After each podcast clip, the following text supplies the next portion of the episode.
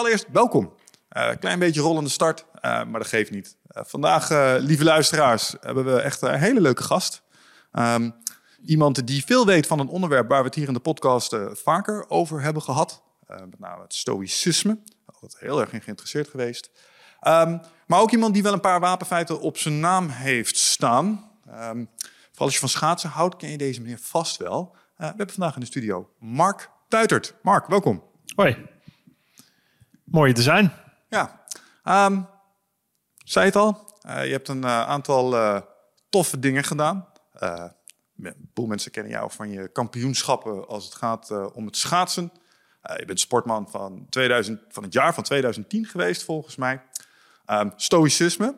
Ja. En in mijn prep kwam ik erachter dat je ook nog fanatieke podcaster bent. En je doet nog wat ondernemerschapsdingen. Dus dat ja. vinkt echt alle boxjes voor deze podcast. um, maar ik wil even beginnen met het mhm. feit dat ik ook strontjaloers op je ben geweest. En jij weet vast wel waarom dat is geweest. jij wilde waarschijnlijk vroeger ook F-16-piloot worden. jongen, ja, ik, Birgit en ik hebben altijd gezegd... we willen graag een keer in een straaljager of in een Apache. Hm. Nou, jij hebt nu de straaljager gedaan als podcast, dus blijft de Apache voor ons over. Dus Apache-piloten van Nederland. Hey, what's ja. up? Je moet even de communicatieafdeling van de luchtmacht uh, bellen. Ja, daar ben ik wel uh, twaalf jaar lang mee bezig geweest, denk ik. Dus ik had ook altijd een droom. Ik heb een videootje op mijn Instagram ook geplaatst. Heb een mooie compilatie van gemaakt. En het begint eigenlijk met een stukje, een clipje wat mijn broertje mij stuurde over de groep 8 uh, eh, eindscriptie die wij moesten schrijven. En dat was dan uh, als je een reunie hebt van school en je komt over tien jaar weer of twintig jaar weer terug op school, moet je zeggen wat je dan hebt gedaan. Ja, ja, ja, leuk. Dus uh, ik had een stuk geschreven dat ik met een vriendje van mij naar de golfoorlog was geweest. Had ik gevlogen en ik zat, ik woonde in Amerika en daar vloog ik F-16's.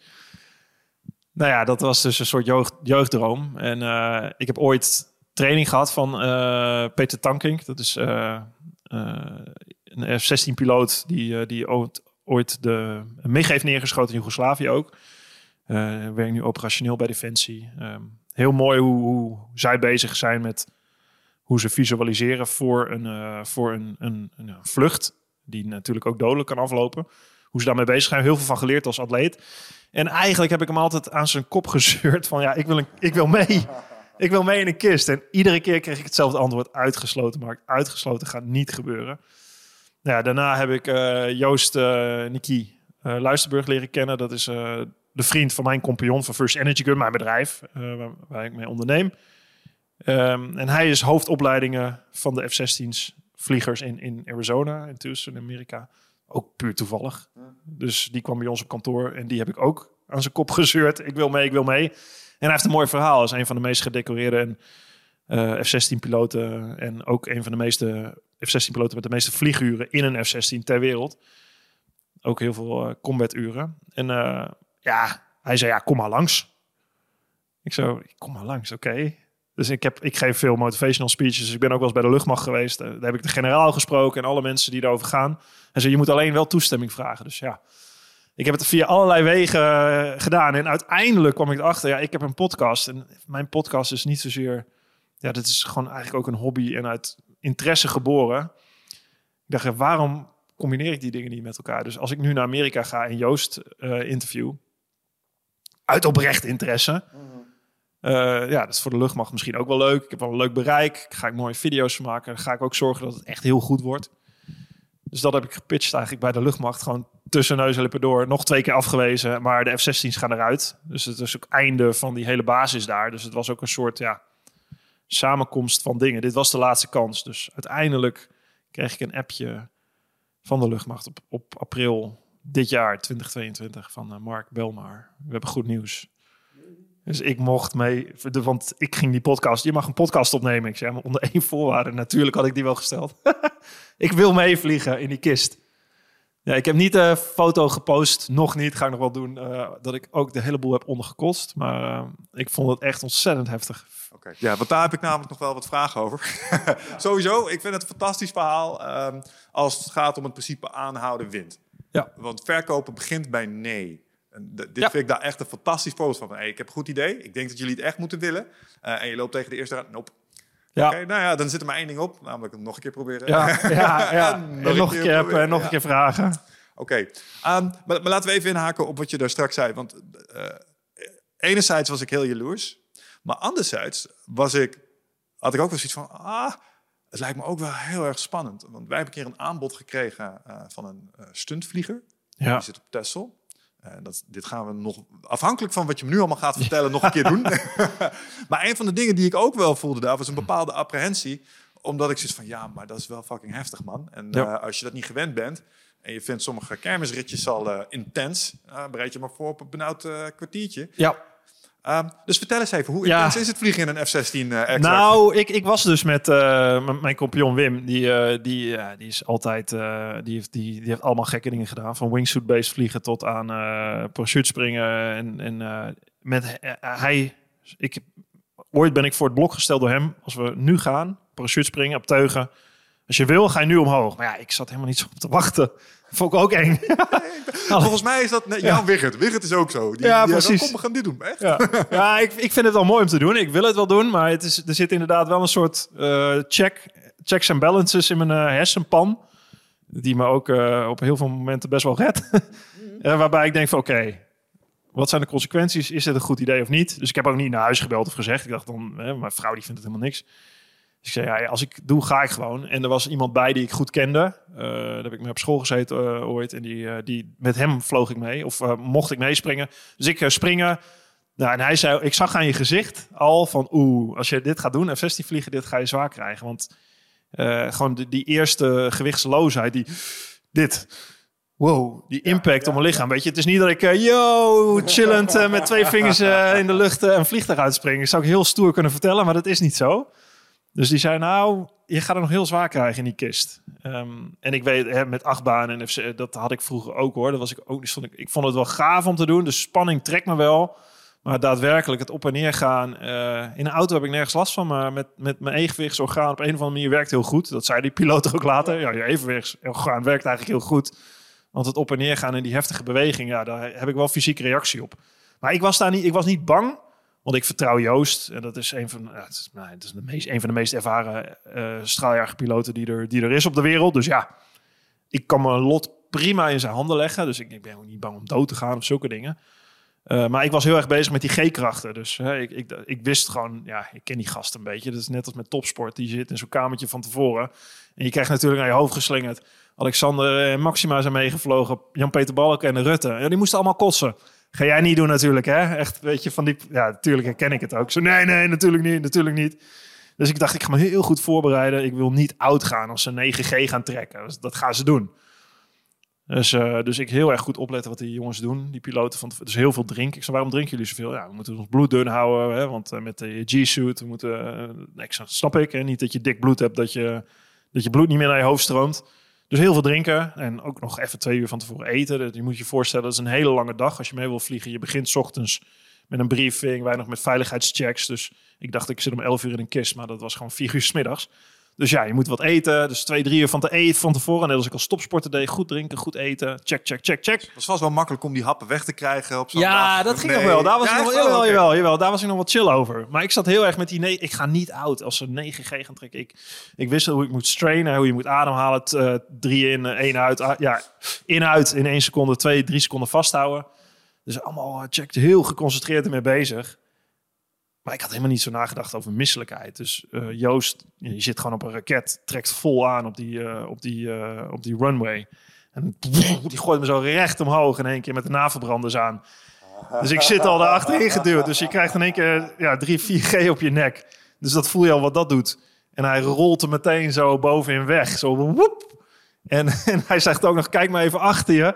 Waar die andere jongens, we vlogen met een formatie van drie, waar die andere jongens blijven. Dus dus dan moet je met 4, 5G op je nek omkijken. maar ja, dan ondertussen rolt hij. Dus ja, als je iets niet moet doen, is dat het natuurlijk. Dus uh, daarna uh, benkt hij me helemaal recht en vliegen we gewoon recht. En daarna dacht ik al, oeh. Volgens mij, die 9G was ik al helemaal vergeten. Ik zo, dit, het wordt gewoon überhaupt een kunst om hier... Ja. Om, om alles binnen te houden. Want je hebt een, een G-suit wat op je maag drukt. Je hebt 5G wat op je nek drukt. Toen zaten we in de 5G. En zit je maag tussen.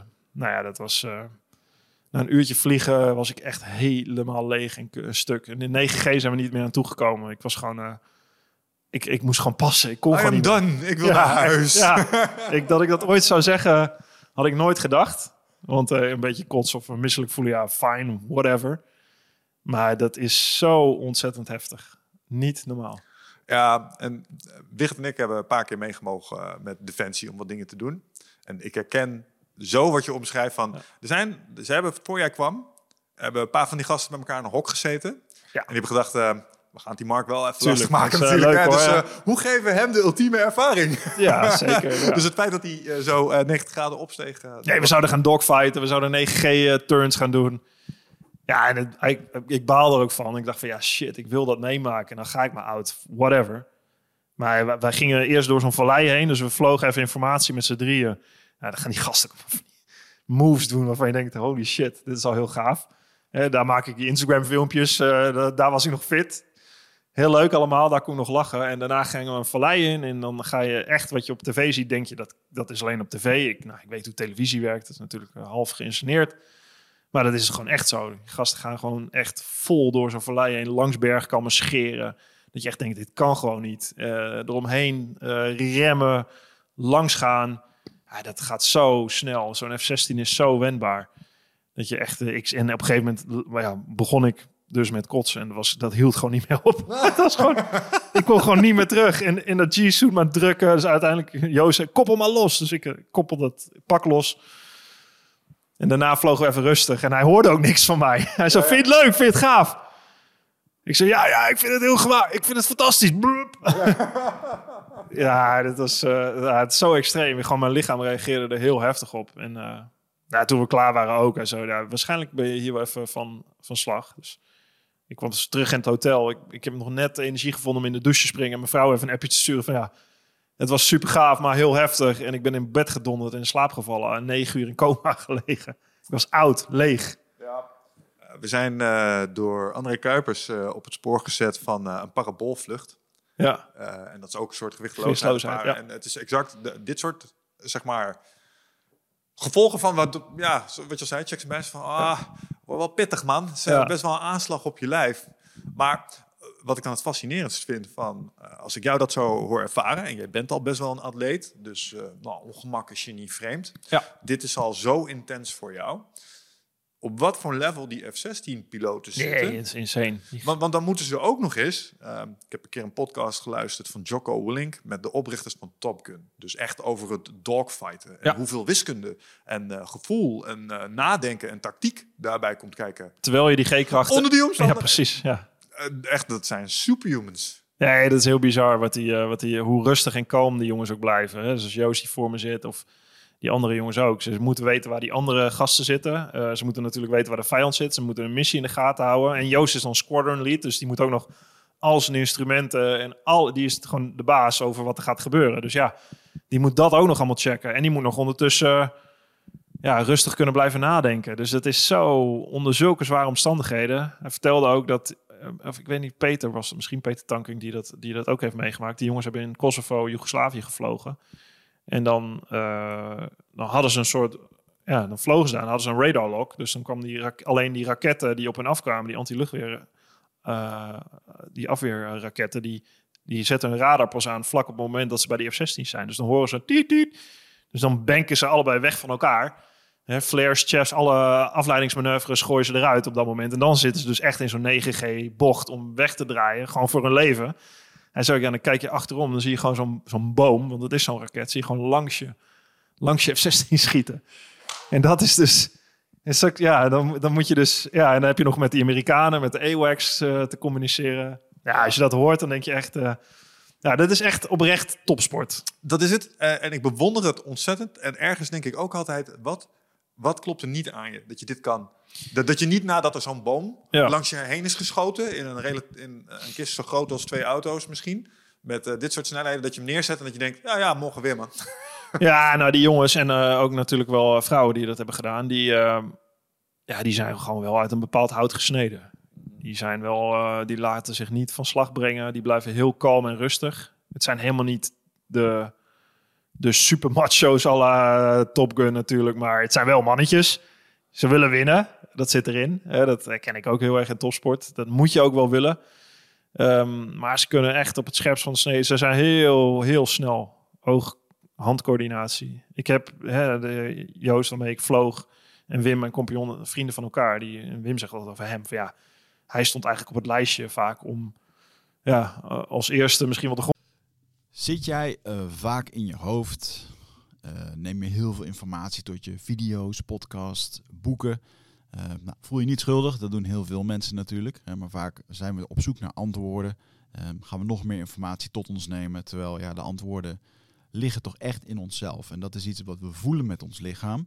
Maar vaak zijn we zo erg in ons hoofd bezig ja, dat we dat ook niet meer, dat we daar niet meer echt goed bij kunnen. En dat is graag waar ik je voor uit wil nodigen. Voor Ride of Passage. 24, 25 en 26 mei is er weer een nieuwe editie. Voor mijn retreat voor persoonlijke ontwikkeling. Waarbij het thema echt is om uit het hoofd te komen in dat lichaam. Want dat is waar je alles ervaart. En ik wil dat je gewoon weer in contact komt met, met die, die intuïtie. Um, en dan gewoon een heel sterk uh, innerlijk kompas. Dat je gewoon weer weet waar je naartoe moet, wat je te doen staat. En dat je gewoon weer helderheid hebt over wat je wilt en hoe dat je dat gaat doen. En dat doen we middels uh, bio-energetische oefeningen, dynamische meditaties, een stuk shamanisme zit erin. Het enige wat er bekend is van het programma is dat er een zweethut in zit. Uh, en natuurlijk gewoon hands-on persoonlijk leiderschap. Uh, dit retreat krijgt een 9,2 gemiddelde van meer dan 331 deelnemers. Daar ben ik ontzettend trots op. Sterker nog, er is ook een money back guarantee. Vind je niks na drie dagen, krijg je gewoon je geld terug. Dus het enige risico dat je loopt, is dat je gelukkiger wordt. Klinkt dit als iets voor jou en durf je het aan? Dan zie ik je op Ride of Passage. Ga naar wichertmeerman.nl en klik op Retreat. Rond in te gaan, omdat hij zo veel risico nam. Alleen ja, achteraf gezien was dat helemaal niet zoveel. Hij was gewoon sneller.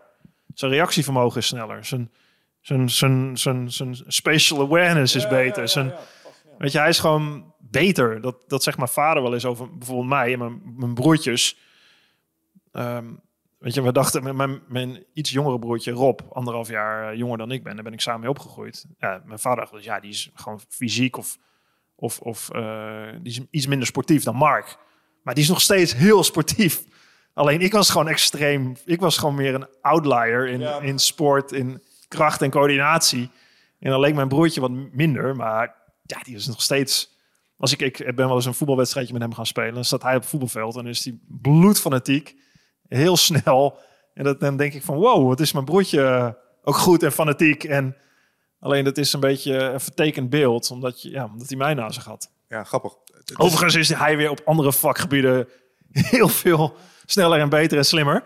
Uh, dan ik. Dus dat is altijd die wisselwerking. Het is maar net waaraan je iets afmeet. Ja, het balanceert altijd een beetje uit. Maar ik denk dat dit een beetje hetzelfde is als dat je met je eerste sloep of jacht in een haven komt.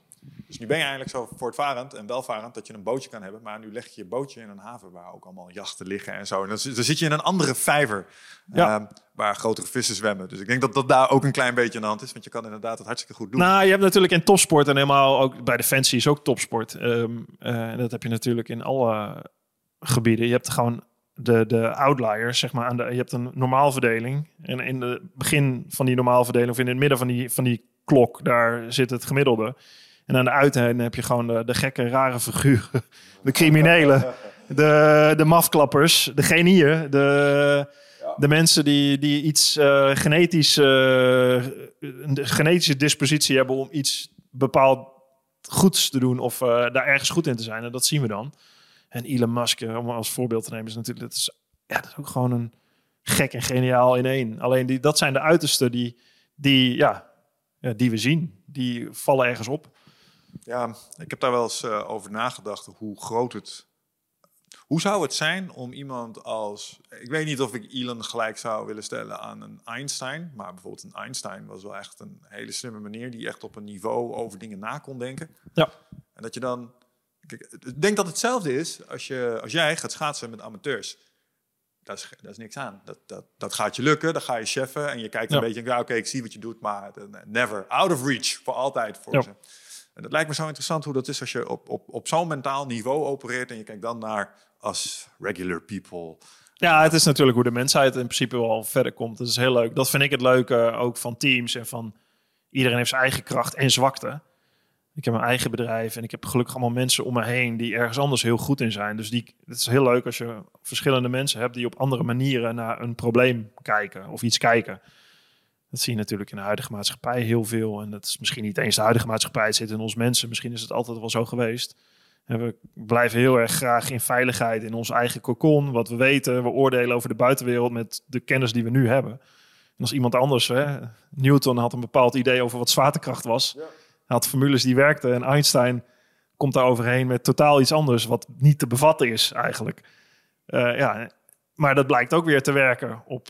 Uh, dus dat blijkt weer een betere manier te zijn om zwaartekracht te omschrijven. En dat zijn natuurlijk, ja, dat vind ik echt fascinerende dingen. Dat uh, kan ik heel lang over doorgaan. Ja, nou, ik heb daar wel eens vanuit een evolutionair perspectief over nagedacht. je bent vast wel, als het gaat over teams, bekend met Belbin. Nee. Ken je dat? Nee. Belbin is een soort. Um, het is basically een test, een persoonlijkheidstest. En die zegt iets over welke rol je graag aanneemt in een team. Dus uh, je hebt de aanvoerders, je hebt de supporters, je hebt de analisten, je hebt de mensen die um, uh, het heel fijn vinden om de eindjes aan de achterkant uh, aan elkaar te... De mensen die van het detailwerk houden. Ja. Um, nou, en, enzovoort, enzovoort.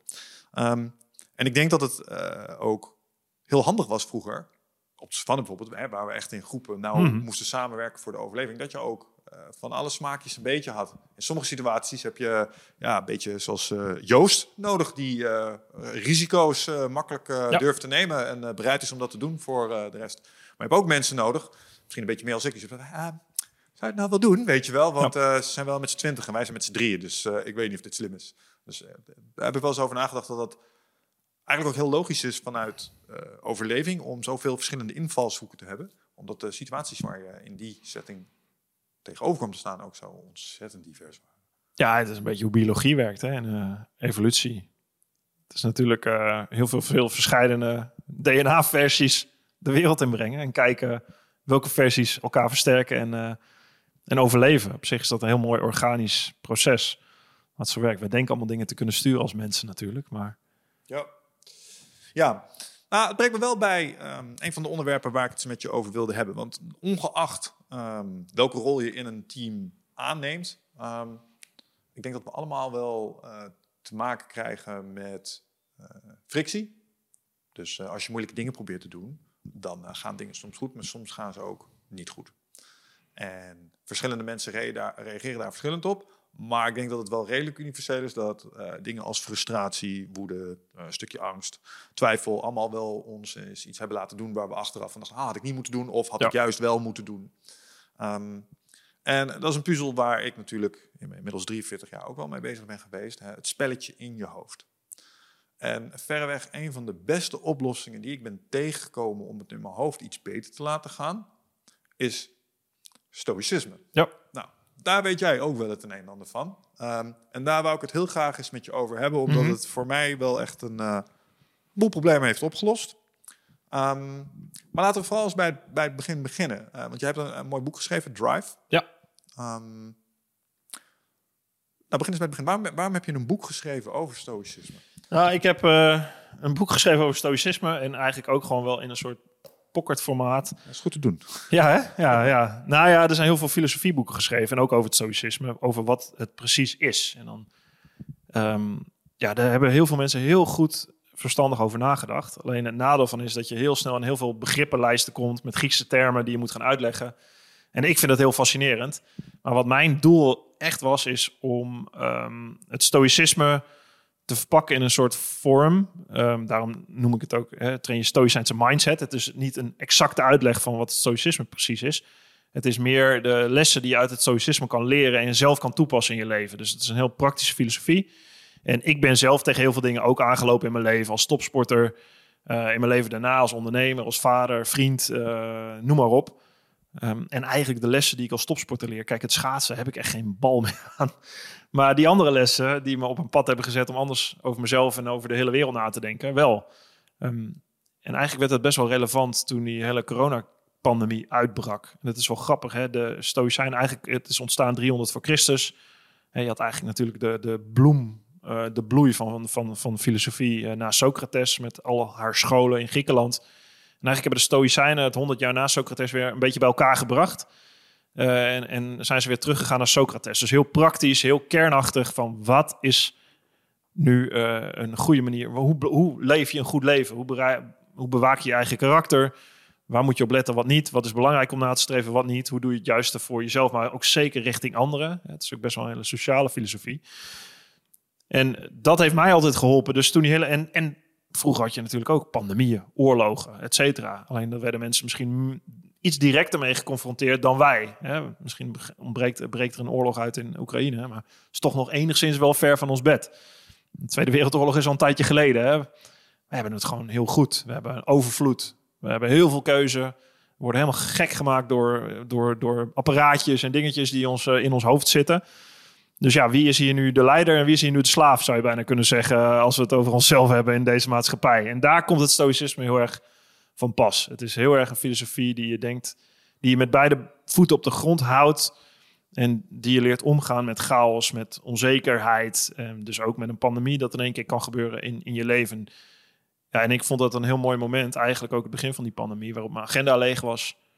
Um, ik geen ja, afspraken had om, om eens te kijken, hey, waar word ik nu zelf op teruggeworpen? En ik kwam weer heel erg uit bij die lessen van Stoïcijnse filosofie, die, die, die nog steeds relevant zijn, juist tijdens een pandemie. Ik dacht, ja, hier moet ik iets mee doen. Dit is, dit, ik ga, en ik sprak met een vriend die zei, je moet, weet je wat je, het zou goed zijn als je die lessen is gewoon heel basic opschrijft. Dat kennen mensen niet van je, die weten niet dat je er hier twintig jaar mee bezig bent. Um, maar als je nou die lessen zo kan vertalen dat heel veel mensen daar iets mee kunnen, nou, dat, ik zei, ja, dat vind ik eigenlijk best wel een heel mooi idee. Dus daar ben ik maar aan gaan begonnen, aan begonnen, twee jaar geleden. En dat, uh, dat is uh, uiteindelijk een boek geworden, waar ik heel blij mee ben. Ja. Ja, ik geloof dat ik uh, stoïcisme eens een keer ergens heel poëtisch omschreven heb zien worden als zalf voor een gekwelde ziel. Um, ja. om, omdat waar ik het heel goed in vind, is het, is het mentaal ongemak als gevolg van iets. Ja. Um, relativeren en door een bepaald perspectief erop te pakken, draagbaar te maken. Ja. Laten we het dan maar zo zeggen. Het is niet helemaal weg, maar het is manageable. Ja. Dus er is iets mee te doen. Um, maar je gaf al aan, uh, in de pandemie kon ik mooi eens even testen waar ik het meest op werd uh, teruggeworpen vanuit uh, de fundamenten van het stoïcisme. Ja. Welke staken daar met kop en schouders bovenuit? Nou, voor mij was het heel erg, ja, het, een aantal dingen. Um, Eentje was die ik heel belangrijk vond. Uh, Marcus Aurelius heeft. Marcus Aurelius was een mooie. Ook om even in te luiden op die manier misschien. Uh, was een wijze keizer. Uh, Romeinse keizer. Hij was eigenlijk filosoof naast dat hij keizer was. Wat een unieke combi was. Waar Socrates eigenlijk al over zei. Hè? De, de, de tijd dat de keizers filosoof worden en de filosofen keizers. Ja, dan hebben we een mooi leven. Dat, zou, dat zouden goede leiders zijn. Ook goede politici, goede presidenten, et cetera. Ik denk, dat, ik denk dat dat nog steeds zo geldt. En Marcus Aurelius was heel erg bezig met hoe kan ik nou bewaken dat ik goed blijf van karakter. Als ik goed blijf van karakter, dus niet me overgeef in uh, strijd met mijn concurrenten, corruptie aan het hof, aan het Romeinse hof, wat natuurlijk uh, schering en inslag was. Ja, hoe kan ik een goed mens blijven naast dat ik leider ben van zo'n groot volk? Nou, daar heeft hij training in gehad door Stoïcijnse filosofen. En al die lessen die hij leerde, schreef hij eigenlijk aan zichzelf op aan het einde van zijn leven.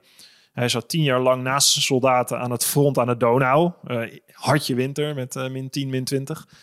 dat deed hij ook als leider. Hij zat niet veilig in zijn paleis in Rome. Hij zat naast zijn soldaten oorlogen te voeren. En had te maken met een pandemie die het Romeinse Rijk teisterde. Een van de grote pandemieën uit de geschiedenis. Als we denken dat een pandemie uniek wat we nu meemaken. COVID ain't got shit op wat ze in de is oude tijden hebben meegemaakt. Ja, daar ging gewoon de helft van de bevolking bam dood. Um, en daar moest je ook mee dealen. Dat gebeurde met je legers. Dat, uh, hij verloor zes of zeven van zijn veertien kinderen tijdens zijn leven. Zijn trouwe generaal die verliet hem en, en uh, wilde een oorlog tegen hem beginnen. Had wel wat uitdagingen te eh, voor zijn voeten, die voor zijn voeten werden geworpen in zijn leven, Marcus Aurelius. En daar ging hij heel goed mee om. Zo werd hij ook gezien in de geschiedenis als een wijsleider die heel goed zulke uitdagingen ja, daarmee omging. En hij schrijft eigenlijk een hele mooie quote op in zijn meditaties. Echt, moet je lezen. Uh, wat een obstakel was, wordt een hulpmiddel. Wat je verhinderde een bepaalde weg in te slaan, wordt een richtingwijzer. Dus hij schrijft heel erg hoe je naar obstakels, naar tegenslagen kunt kijken, onder andere. En dat vond ik een hele mooie. Zo'n man hè, die bedenkt hoe die met een pandemie opgaat als keizer van een Romeinse Rijk. En ja, dat, zo, zo zat ik eigenlijk ook in die, in die hele COVID-situatie na een week. Hè, met ons bedrijf hadden we in één keer heel veel leveringsproblemen. Mijn agenda was leeg met, met lezingen. Um, ik, ja, ik, dus ik dacht, ik, ik, ga nu een boek schrijven en ik heb een week opgesloten in een kamer. Ehm, de wekker gezet om vijf, zes uur s ochtends. Hè. Ik kijk ook wel eens van die video's en denk ja inderdaad, routines, uh, vijf uur wekker, bam. En uh, na een week dacht ik, ik word helemaal gek van mezelf. ja. Ben ik aan het doen? het slaat echt helemaal nergens op. Ah, ik moet zeggen, het hoort wel bij de klassieke schrijverservaring... dat je op zijn minst een aantal ochtenden om vijf uur aan je ja, precies. hebt zitten werken. Dat, dat moet het. Maar ik, werd, ik was gewoon mezelf ook aan het gek maken. Ik dacht, ja, hey, even twee stappen terug wat vertelt mij dit nu, die hele pandemie? Hè? En ik heb daar nu, als ik terugkijk, heel veel aan overgehouden. Ik heb die lessen helder gekregen voor het stoïcisme. Ehm, ik ben vanuit, meer vanuit huis gaan werken, wat ik eigenlijk heel fijn vind. Ik wil me niet in een file staan. En dat wilde ik al, daarvoor al niet. Daar was ik al heel erg wars van. Maar dat besef was nog een keer harder. En ook naar de buitenwereld toe makkelijker uitlegbaar soms. Niet dat het altijd nodig is, maar gelukkig begrijpen mensen dat nu beter. Ja, voor mij was, was dat heel erg de vraag. Doe ik de dingen die ik waardevol vind om te doen? Streef ik de juiste dingen na? Ehm, en heb ik iets te vertellen als ik op een podium sta? Gaat het over een gouden medaille of gaat het over veel andere lessen die ik, die, die ik nog wil vertellen in mijn leven? En waar mijn podcast eigenlijk ook al veel meer over gaat. Dus voor mij werd het ook een soort verdiepingsslag voor mezelf. Ja, en daar gaat het over. Ehm, wat is aan jou en wat niet? Hè? Epictetus was een andere stoïcijn, uh, net na onze jaartelling. Eh, die als slaaf geboren werd. Uh, en uiteindelijk een van de meest beroemde filosofieleraren uit zijn tijd werd. Ehm, en die schrijft dus heel veel, als je, wat je net ook zei, over hoe je omgaat met bepaalde zaken. En eigenlijk wat de Stoïcijnen zeggen, wat Epictetus heel mooi beschrijft in zijn colleges, die later zijn opgeschreven door een leerling, leerling van hem. Je hebt gebeurtenissen in je leven die je meemaakt. Hè. Dat kan een pandemie zijn, waardoor wij een beetje van slag raken, waardoor mensen hele gekke dingen gaan roepen of in complottheorie gaan geloven. En aan de andere kant heb je emoties. Uh, dat kan angst, verdriet, pijn, uh, et cetera. Dat zijn hele menselijke emoties die we allemaal wel eens hebben. Wat je net al zei. Hè? Ik ben ook wel eens boos. Uh, dat hoort erbij. Stoïcisme of stoïcijns is ook in filosofische zin niet hetzelfde als stoïcijns zoals wij het gebruiken in onze taal. Hè? Emotieloos, koud. Dat is het niet. Het is, je hebt die emoties. Alleen de manier die wij hebben geadapteerd als denken is, we hebben emoties en die komen door die gebeurtenis. Iemand scheldt je uit, ik ben boos op diegene. Uh, ik sta in de file hier uh, nu uh, naar jou toe, want de treinen zijn gaan staken. Duurde, had ik niet gepland. Ik ben gefrustreerd. Ik ram op mijn dashboard, want ik baal dat ik te laat ben en de hele dag in de soep loopt. Ja, dat zijn dus dingen die, waarvan de Stoïcijnen zouden zeggen... als jij denkt dat die emoties die jij voelt, die dingen die je meemaakt... te, te maken hebben met die gebeurtenis, dan denk je verkeerd. Je, je, je denkt op een verkeerde manier. Een betere manier om te leren nadenken is dat je beseft dat die emoties die je voelt komen door dat oordeel wat je hebt over die gebeurtenis. Hè? Nou, er zijn heel veel managementdenkers natuurlijk later mee aan de haal gegaan met dat idee wat klopt. Hè? De cirkel van invloed, Covey, noem maar op. Maar het komt oorspronkelijk uh, van de Stoïcijnen. En er zit heel veel waarheid in natuurlijk. Als jij uh, boos bent, kun je je afvragen, ja, waarom denk ik op een bepaalde manier over iemand? Als jij mij boos maakt of ik ben gefrustreerd ergens door, waarom ben ik gefrustreerd of boos? Komt dat door die anderen? Of komt dat door dat ik een bepaalde mening heb over iets? Hè? Ik heb het met mijn vader bijvoorbeeld meegemaakt. Dat vertel ik ook in mijn boek. Die heb ik zes jaar niet gesproken. Daar was ik boos op. Mijn ouders lagen in een vechtscheiding. Ik gaf hem de schuld. En mijn oplossing was gewoon geen contact meer hebben met mijn vader. Ja, is nou eenmaal zo. Ik ben boos op hem. Is een eikel. Ik kom bijvoorbeeld mijn middelvinger naar hem opsteken. En dat voelde bij mij ja, zoals het was. Hè? Weet je, ik, ik heb gelijk. Uh, dit is mijn oordeel. Zo zit de wereld in elkaar. Niet heel filosofisch natuurlijk. En daar komt filosofie dus heel erg van pas, vind ik. dit is ook weer zo'n idee van ik, zo zit het, klaar, strikt erom, sleutel op slot, gooi maar in de rivier. Kijk ik niet meer naar. Dat doen we met heel veel dingen natuurlijk waar we ons boos of verdrietig over voelen.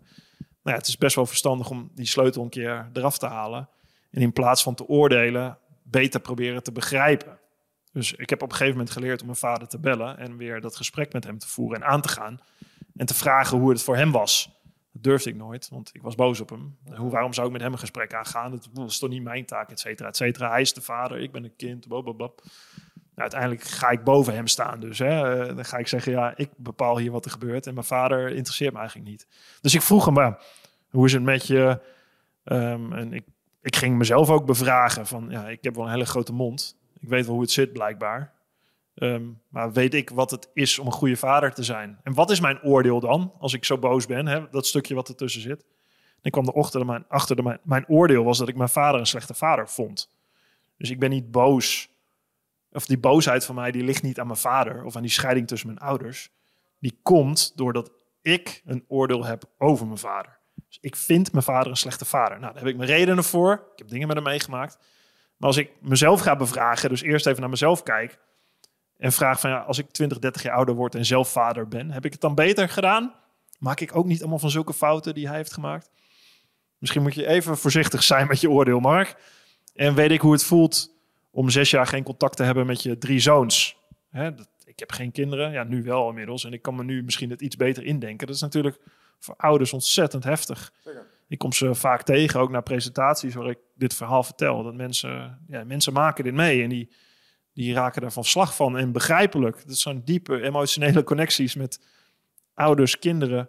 En dat, dat wordt verbroken. En niet altijd omdat je dat zelf wil. Dat gold voor mij ook. Dus ik belde hem op. En juist toen ik hier vragen over ging stellen, ja, dan krijg je hele mooie gesprekken. En dan is het wel grappig als je dus weer een connectie maakt met iemand en vragen gaat stellen. Dus hè, waar we het eerder ook al over had, je van verschillende standpunten ergens naar gaat kijken. In plaats van dat ene standpunt wat heel rigide is met oogklep op. Dan wordt het veel leuker. Dan krijg je een echt gesprek. En ja, dat, die relatie met mijn vader, dat herstelde zich. Natuurlijk zijn er altijd dingen en, en bots je wel ergens. Alleen mijn vader stond uh, op de tribune met mijn twee broertjes. Toen ik in Vancouver goud won. En dat was gewoon, ja, dat is super mooi. Dat is echt een verrijking geweest in mijn leven. En daar heb ik zelf de eerste aanzet toe moeten geven. Door dat oordeel bij mezelf te ondervragen. Ja, maar daar was wel echt een, dat is een paradigm shift. Dus, ja. dus dat verandert de hele wereld. Als je, als je dit echt doordringt ja. en, je, eh, en je hebt je vinger erachter, en ik denk dat voor meer mensen dit waar is nu. Je oordeel blokkeert je nu op onderdelen. Eh, en als je dat oordeel zou durven onderzoeken. Ja. Eh, en, en, er, en er klikt iets om in je perceptie van de situatie. Dan gaan er dingen weer open die je zelf anders zou ontzeggen. Dus eh, de macht die je nu voelt door je hart op slot te houden. je doet jezelf eigenlijk tekort. Ja, Dit is een heel mooi voorbeeld daarvan. Ik zie mensen die met alle macht heel erg uh, hard trainen. Hè, uh, crossfit, uh, door muren heen kunnen beuken fysiek.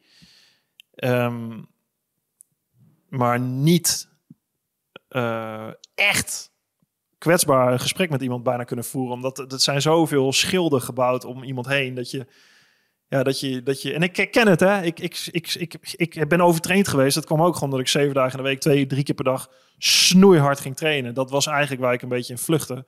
Omdat ik ook liever met die andere dingen niet geconfronteerd werd. Flikker op. En dat is begrijpelijk. Dat doen we als mens. Alleen wat je zegt klopt. Als je, als je daar naartoe durft te gaan. En dat is niet een vorm van zwakte. Dat, ik denk dat bepaalde kwetsbaarheid juist heel sterk is. Ja, dan openen zich allemaal andere deuren en dingen. Dan, dan krijg je dat terug. Juist omdat jij je kwetsbaar opstelt en gaat vragen. In plaats van dat je weet hoe het zit. Krijg je die kwetsbaarheid terug. En dat, ja, dat is super mooi. En juist dat is mega sterk. Weet je, dat is, je kan fysiek, mentaal. Ik denk dat de beste vechtsporters, de beste, de mensen die echt heel erg goed in zijn, ook een soort rust en kalmte hebben en een soort grond onder hun voeten hebben, wat hiermee te maken heeft. Die zijn niet in het luchtledig aan het trappen of het vechten, maar die, zijn, die hebben een basis waarop ze kunnen bouwen en kunnen staan. Ja, en misschien ook niks meer te bewijzen of voelen zich niet zwak, waardoor dat hele posturing stuk Um, ja, je verhaal resoneert heel erg met mij, omdat ik, uh, ik heb een alcoholistische moeder gehad. En daar heb ik ook uh, een aantal jaar het contact mee verbroken. Ja. Uh, bij mij helaas tot op het eind. Zij is eraan gestorven. En ik heb eigenlijk nooit dit gesprek wat jij nu omschrijft kunnen voeren met haar. Maar ik heb wel een andere ervaring gehad die me wel haar kant heeft kunnen laten zien. We hadden het in, onderweg naar de studio al even kort over ayahuasca. Ik heb een keer een mhm. ayahuasca-ceremonie gedaan. En die heeft mij laten voelen hoe het was om haar te zijn. Hm. En ik zou natuurlijk willen dat dit in een gesprek met haar was gebeurd. Maar daardoor kon ik ineens snappen. Ik, eh, dat was precies wat je zei. Ik had dat in een hè, ja. gestopt, grote dikke deksel erop. Nou ja, was uh, sterk psychedelisch middel voor nodig om ernaar te laten kijken, maar het is gebeurd. Maar het shiften van, uh, oh, maar dit is hoe het voor haar was, brak ineens al mijn opgebouwde verdedigingen en rechtvaardigingen en uh, bolsters werden gewoon helemaal afgebroken. En toen was, oh, maar dit is hoe het is. En wat het tof daaraan is, en, en, ik denk dat een boel mensen dit niet doorhebben, want je hebt pas door als het voorbij is. Misschien herken je dat. Het was echt alsof er een paar keien uit de rugtas werden gehaald. Dus je ging ineens zoveel lichter door het mhm. leven. Uh, wat het mij bijvoorbeeld geeft is, ik kan weer genieten van kerstmis. Ik had hele negatieve herinneringen aan kerst. Bezopen moeder, weet je wel, ja. ruzie was echt niet tof. Ja. Maar door het nu te snappen, kon ik het los. Oh mam, je kon er eigenlijk niks aan doen. Oh, I get it now. Nou, dat betekent dat kerst misschien ook niet zo vernacheld is als ik het... In...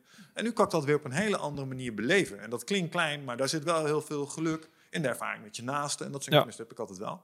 Um, nou, ik, had, ik, heb, ik zeg in mijn boek omschrijf dat ik, ik ja, dat je gewicht vasthoudt. Hè. En ik heb een soort visual in mijn boek staan dat als je, als je, als je minder oordeelt, begrijp je meer.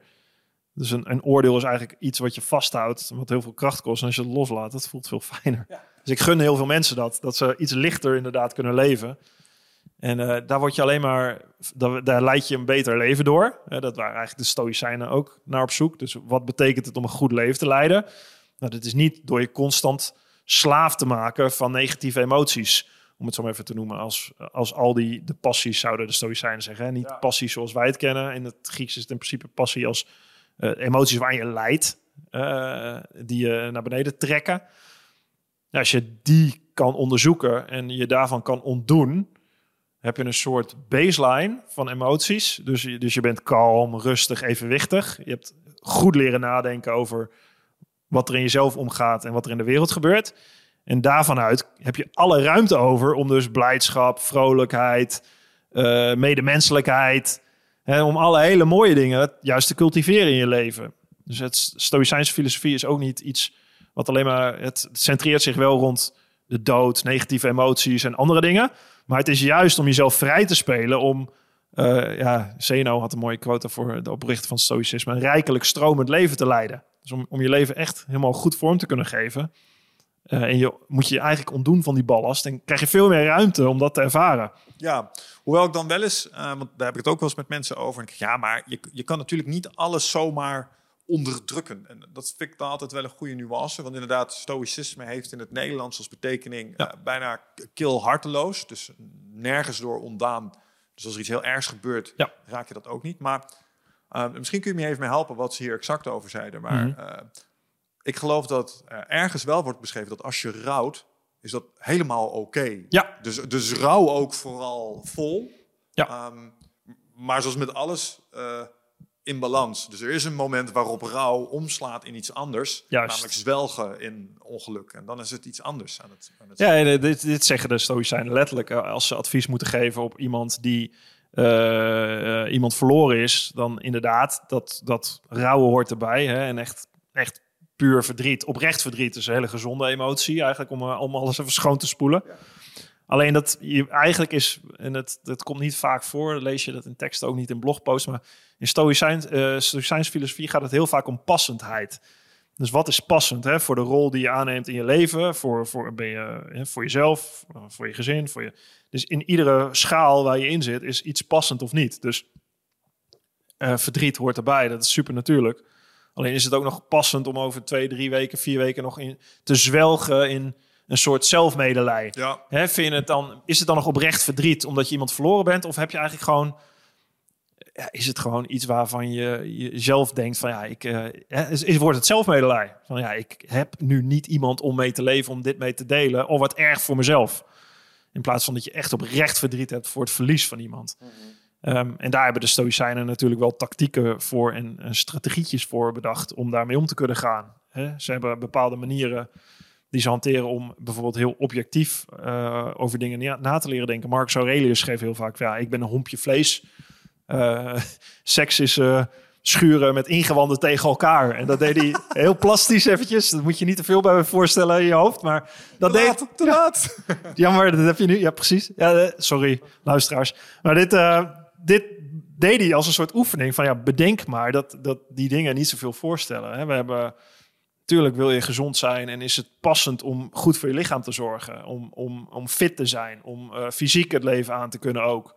En mentaal, om je mentaal fysiek te trainen, maar wel met passendheid. Weet je, als je uh, als je helemaal op gaat blazen, de hele dag in de spiegel kijkt over, uh, over hoe je spiergroepen eruit zien. Ja, dat heeft niks meer te maken met gezond en fit zijn. Dan ben je gewoon doorgeslagen in een, een, een zelfbeeld wat je nastreeft, wat niks meer met goed leven te maken heeft.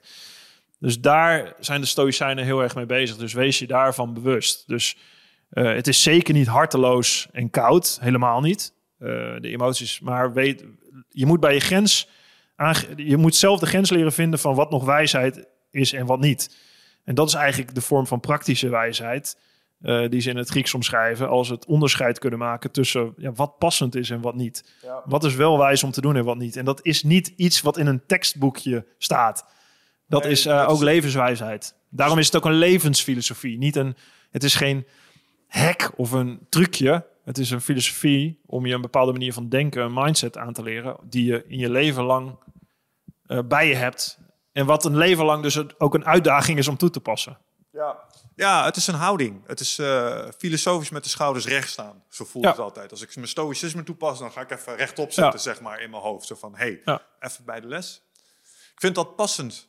Uh, concept vind ik wel een hele mooie nuance. Het doet me heel erg denken aan een quote van Jordan Peterson die zei: Je mag rouwen en verdriet voelen en emotie voelen, maar probeer het zo te zien.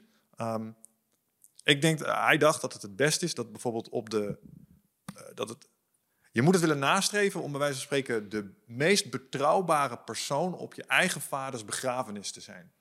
Snap je? Dus mm -hmm. ja, er is rouw, maar er is ja. ook een moment van afwikkeling. Ja. Er is ook een moment van steun geven. Ja. Dus op zo, ik heb mijn vader dat zien op de begrafenis van zijn eigen vaders. Ongelooflijk hoge lat om na te streven, kan ik wel vertellen. Maar die was er voor iedereen.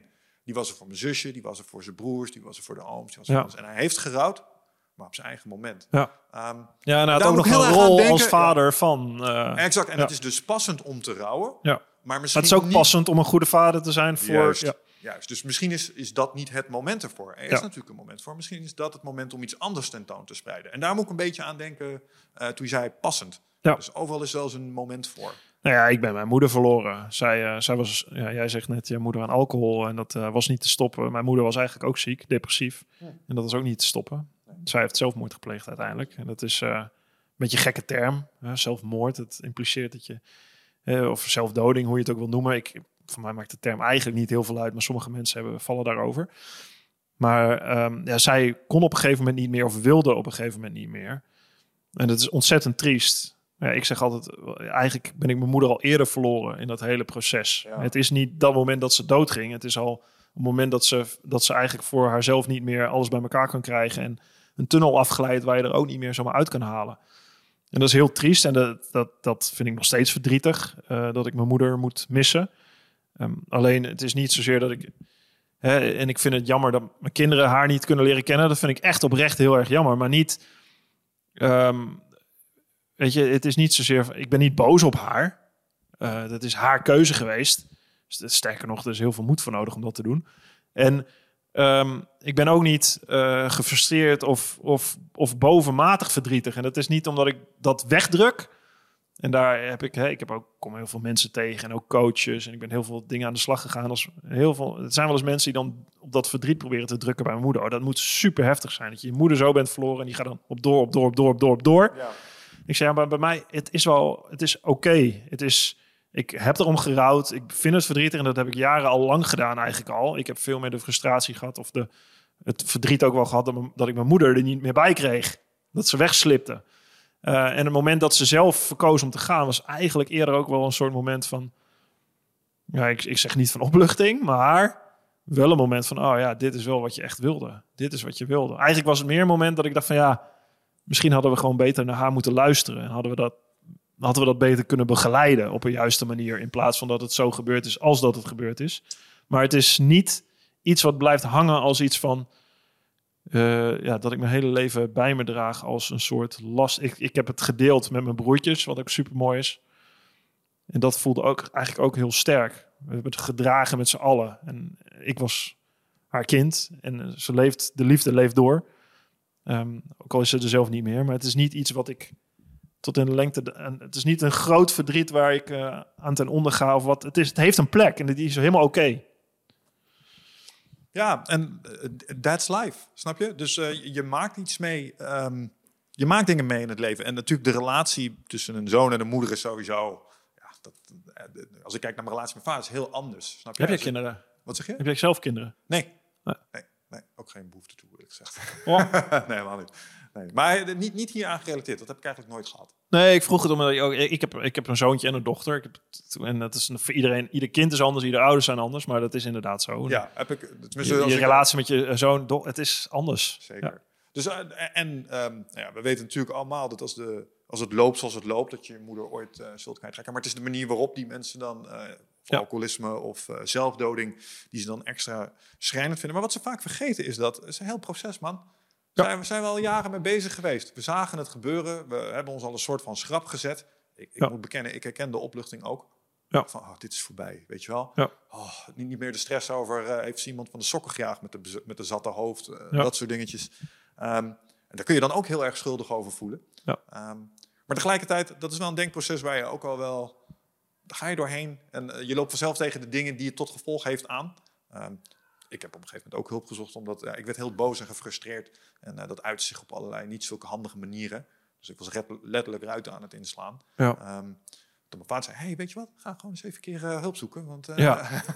dit is niet iets wat je zelf kunt uitpuzzelen. En dat is ook helemaal ah, dat is mooi gedaan van je vader. Het is echt, sommige mensen, hier heb je soms echt hulp bij nodig. Of een soort mentor, ja. of een soort en dat moet je ook niet te beroerd voor zijn om dat te vragen. Ik heb dat ook gedaan toen ik 5, 26 ben. Die hele, die hele situatie met mijn ouders ben ik uitgekomen.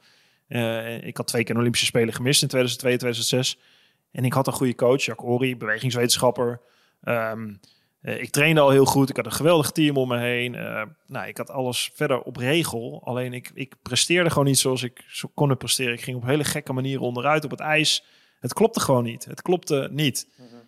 Uh, en, die, in die relatie met mijn vader, die heb ik daarna proberen te herstellen, zoals ik net vertelde.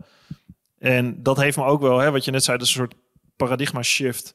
Dat andere dingen ook in elkaar gaan vallen. Omdat ik beter uh, in mezelf kon staan en de relatie met mijn vader beter werd, kon ik ook beter mijn eigen grenzen aangeven en beter keuzes maken.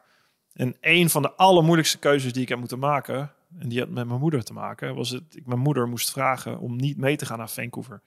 Dus de moeilijkste keuze die ik ooit heb moeten maken, was om mijn moeder te bellen en zeggen: Mam, uh, ik hou van je, maar je gaat niet mee. Want ik kan dat niet aan, dat jij daar bent. Jij kan het zelf ook niet aan. En mijn moeder was al zwaar depressief. Nou ja, dan krijg je fysieke klachten. Los van het feit dat, uh, dat iemand gewoon een patiënt is waar gewoon voor gezorgd moet worden, twee, drie weken lang. Nou ja, de, ik, ik heb dat wel eens eerder geprobeerd, dat mensen meegingen met mijn moeder. En die, die trekt gewoon alle aandacht naar zich toe. En dat is niet dat heeft mijn moeder verder. Dat is niet iets waar zij op zo'n moment iets aan kan doen. Maar het is wel het effect. Dus ik, ik heb een keuze moeten maken. En ik heb haar ik gevraagd thuis te blijven. Nou ja, niet gevraagd. Dat was gewoon eigenlijk, je blijft thuis. Dat was super moeilijk. Ja. Dat is mijn eigen moeder. Ja. Voor de belangrijkste wedstrijd in mijn leven.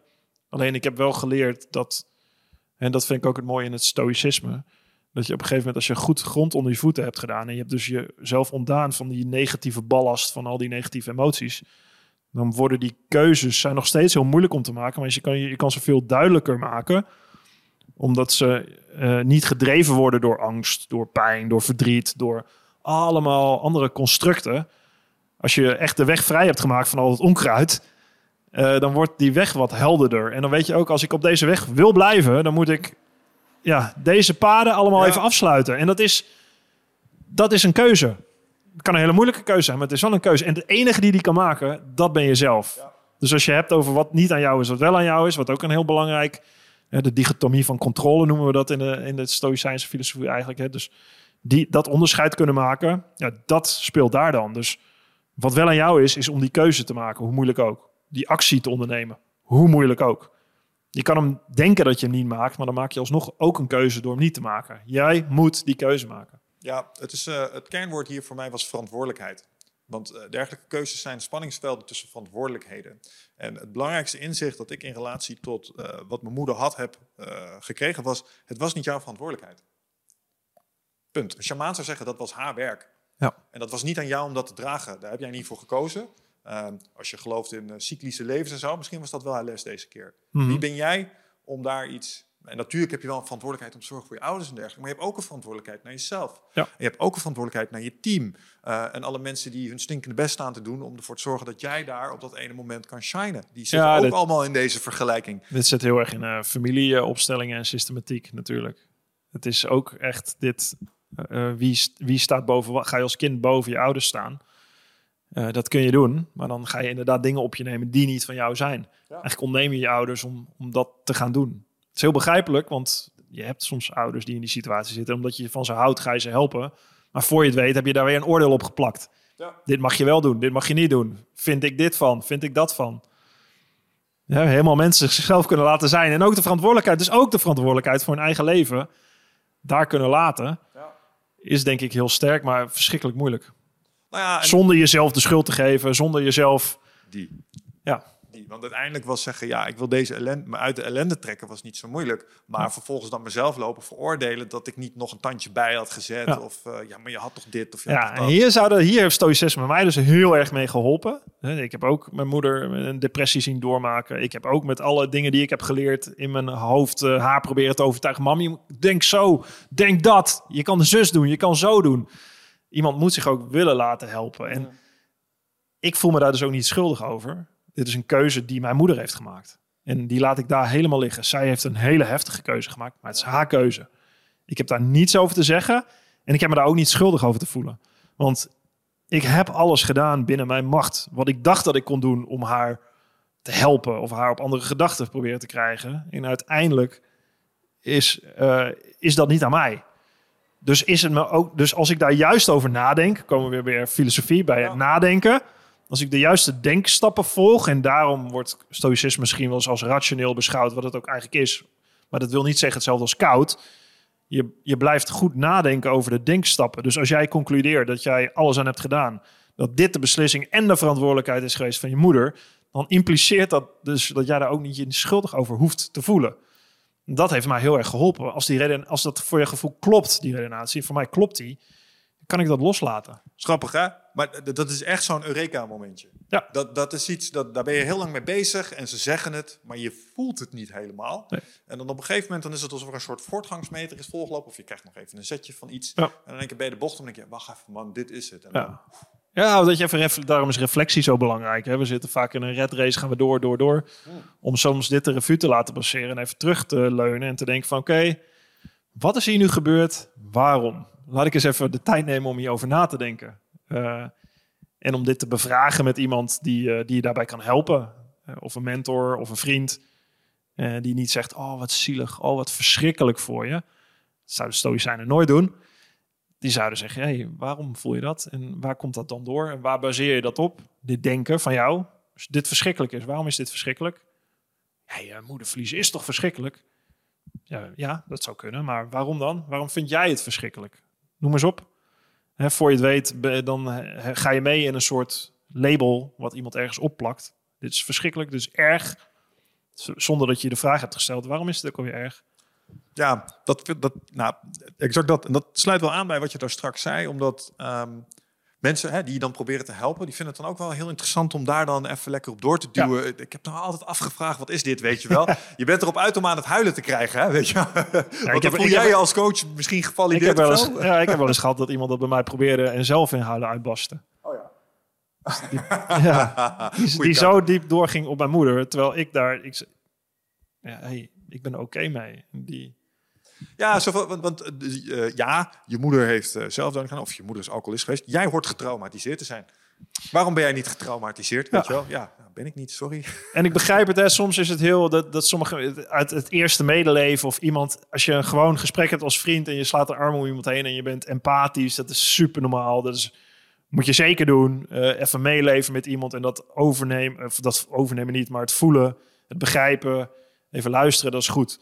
Maar als je echt iemand wil helpen op langere termijn, en dat doe ik ook met vrienden wel eens, dan helpt het heel erg om op een goede manier vragen te leren stellen. Socratisch vraaggesprek is iets ja. super moois, wat, wat daar heel goed in werkt.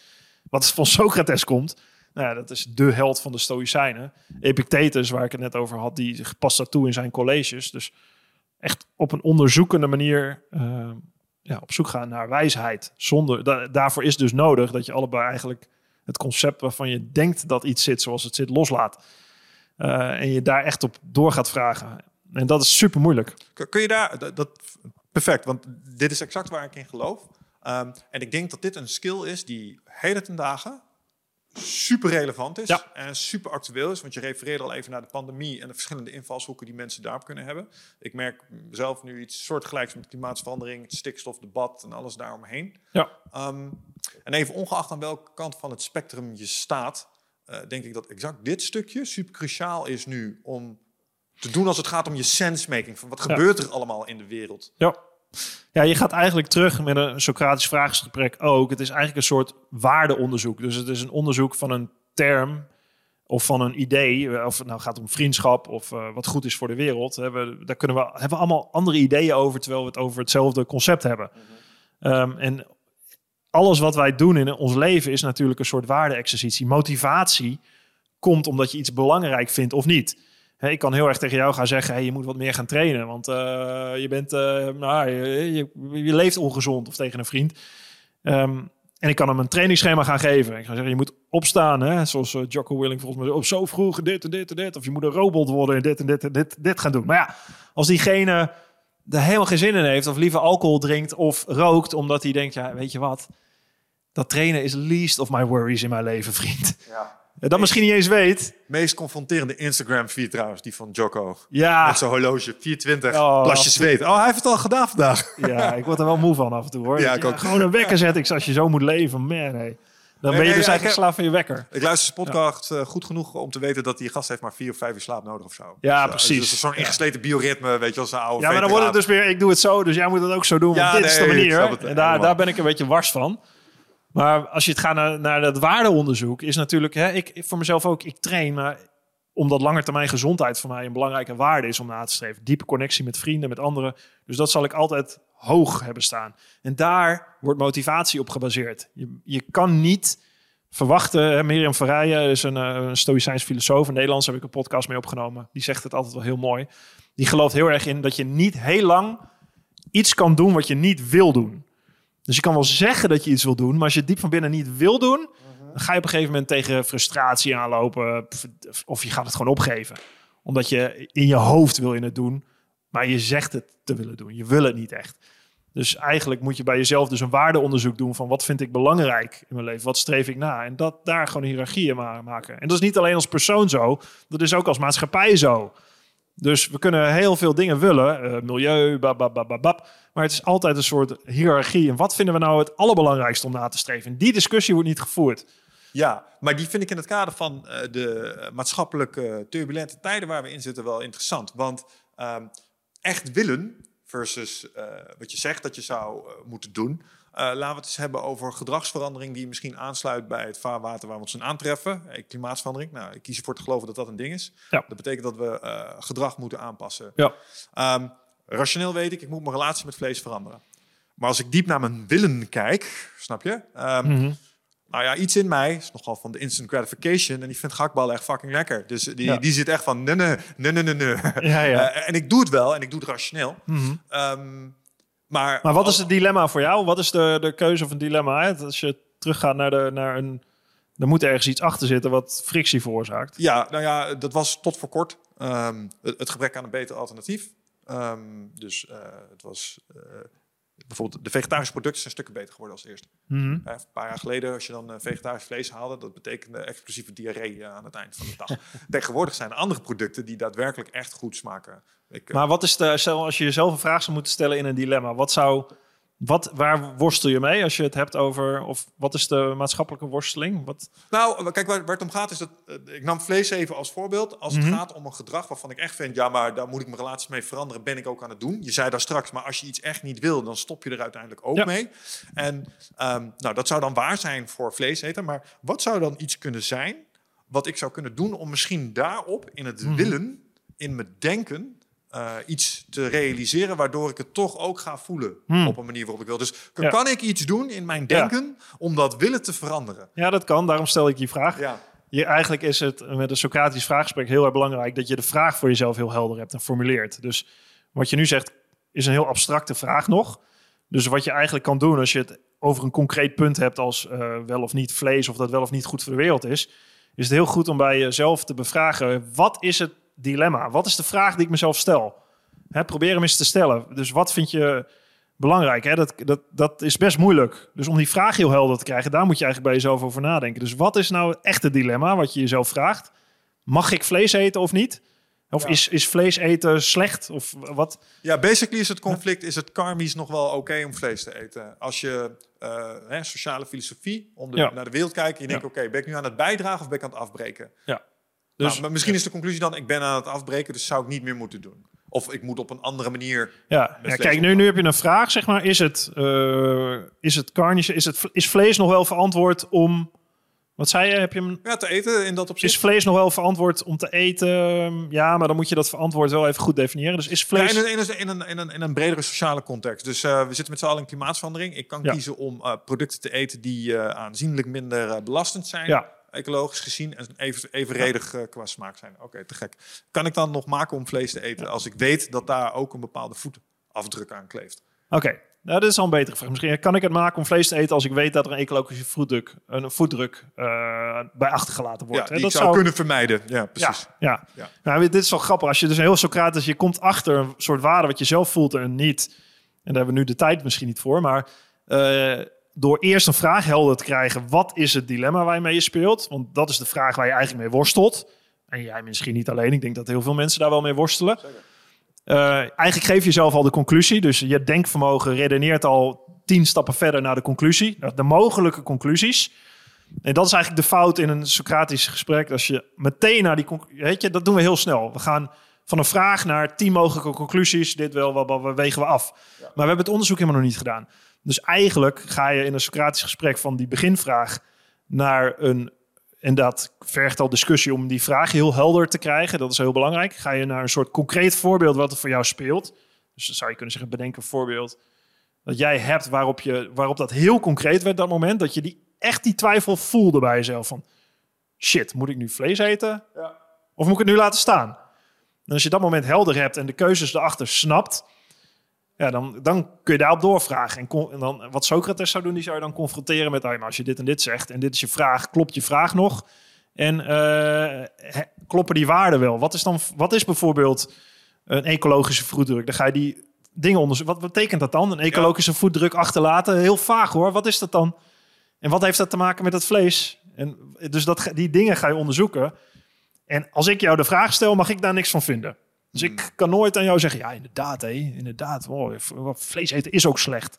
Of, eh, en daar kom je mee naar een onderzoek. En uiteindelijk, als het goed is, ga je zelf de conclusie formuleren. En dat werkt vaak heel mooi. Dan, dan klikt er daadwerkelijk iets. Ja, zonder dat jij al van tevoren al die conclusies hebt verbonden. Die moet je eigenlijk helemaal even loslaten. Jij weet helemaal niks, geen conclusie. Je weet ook niet of het goed of slecht is. Dat hebben we nog niet bepaald.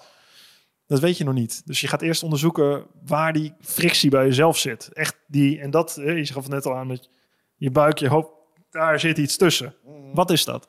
Nou, dat, dat kost wel tijd. Dat is, gaat ver, dat is iets te ver om dat nu te onderzoeken. Ja, maar ik vind het wel mooi dat, dat even in deze korte demonstratie wordt duidelijk hoe belangrijk het is om die. Want ik snap helemaal, hè, ik onder, of herken helemaal wat je zegt.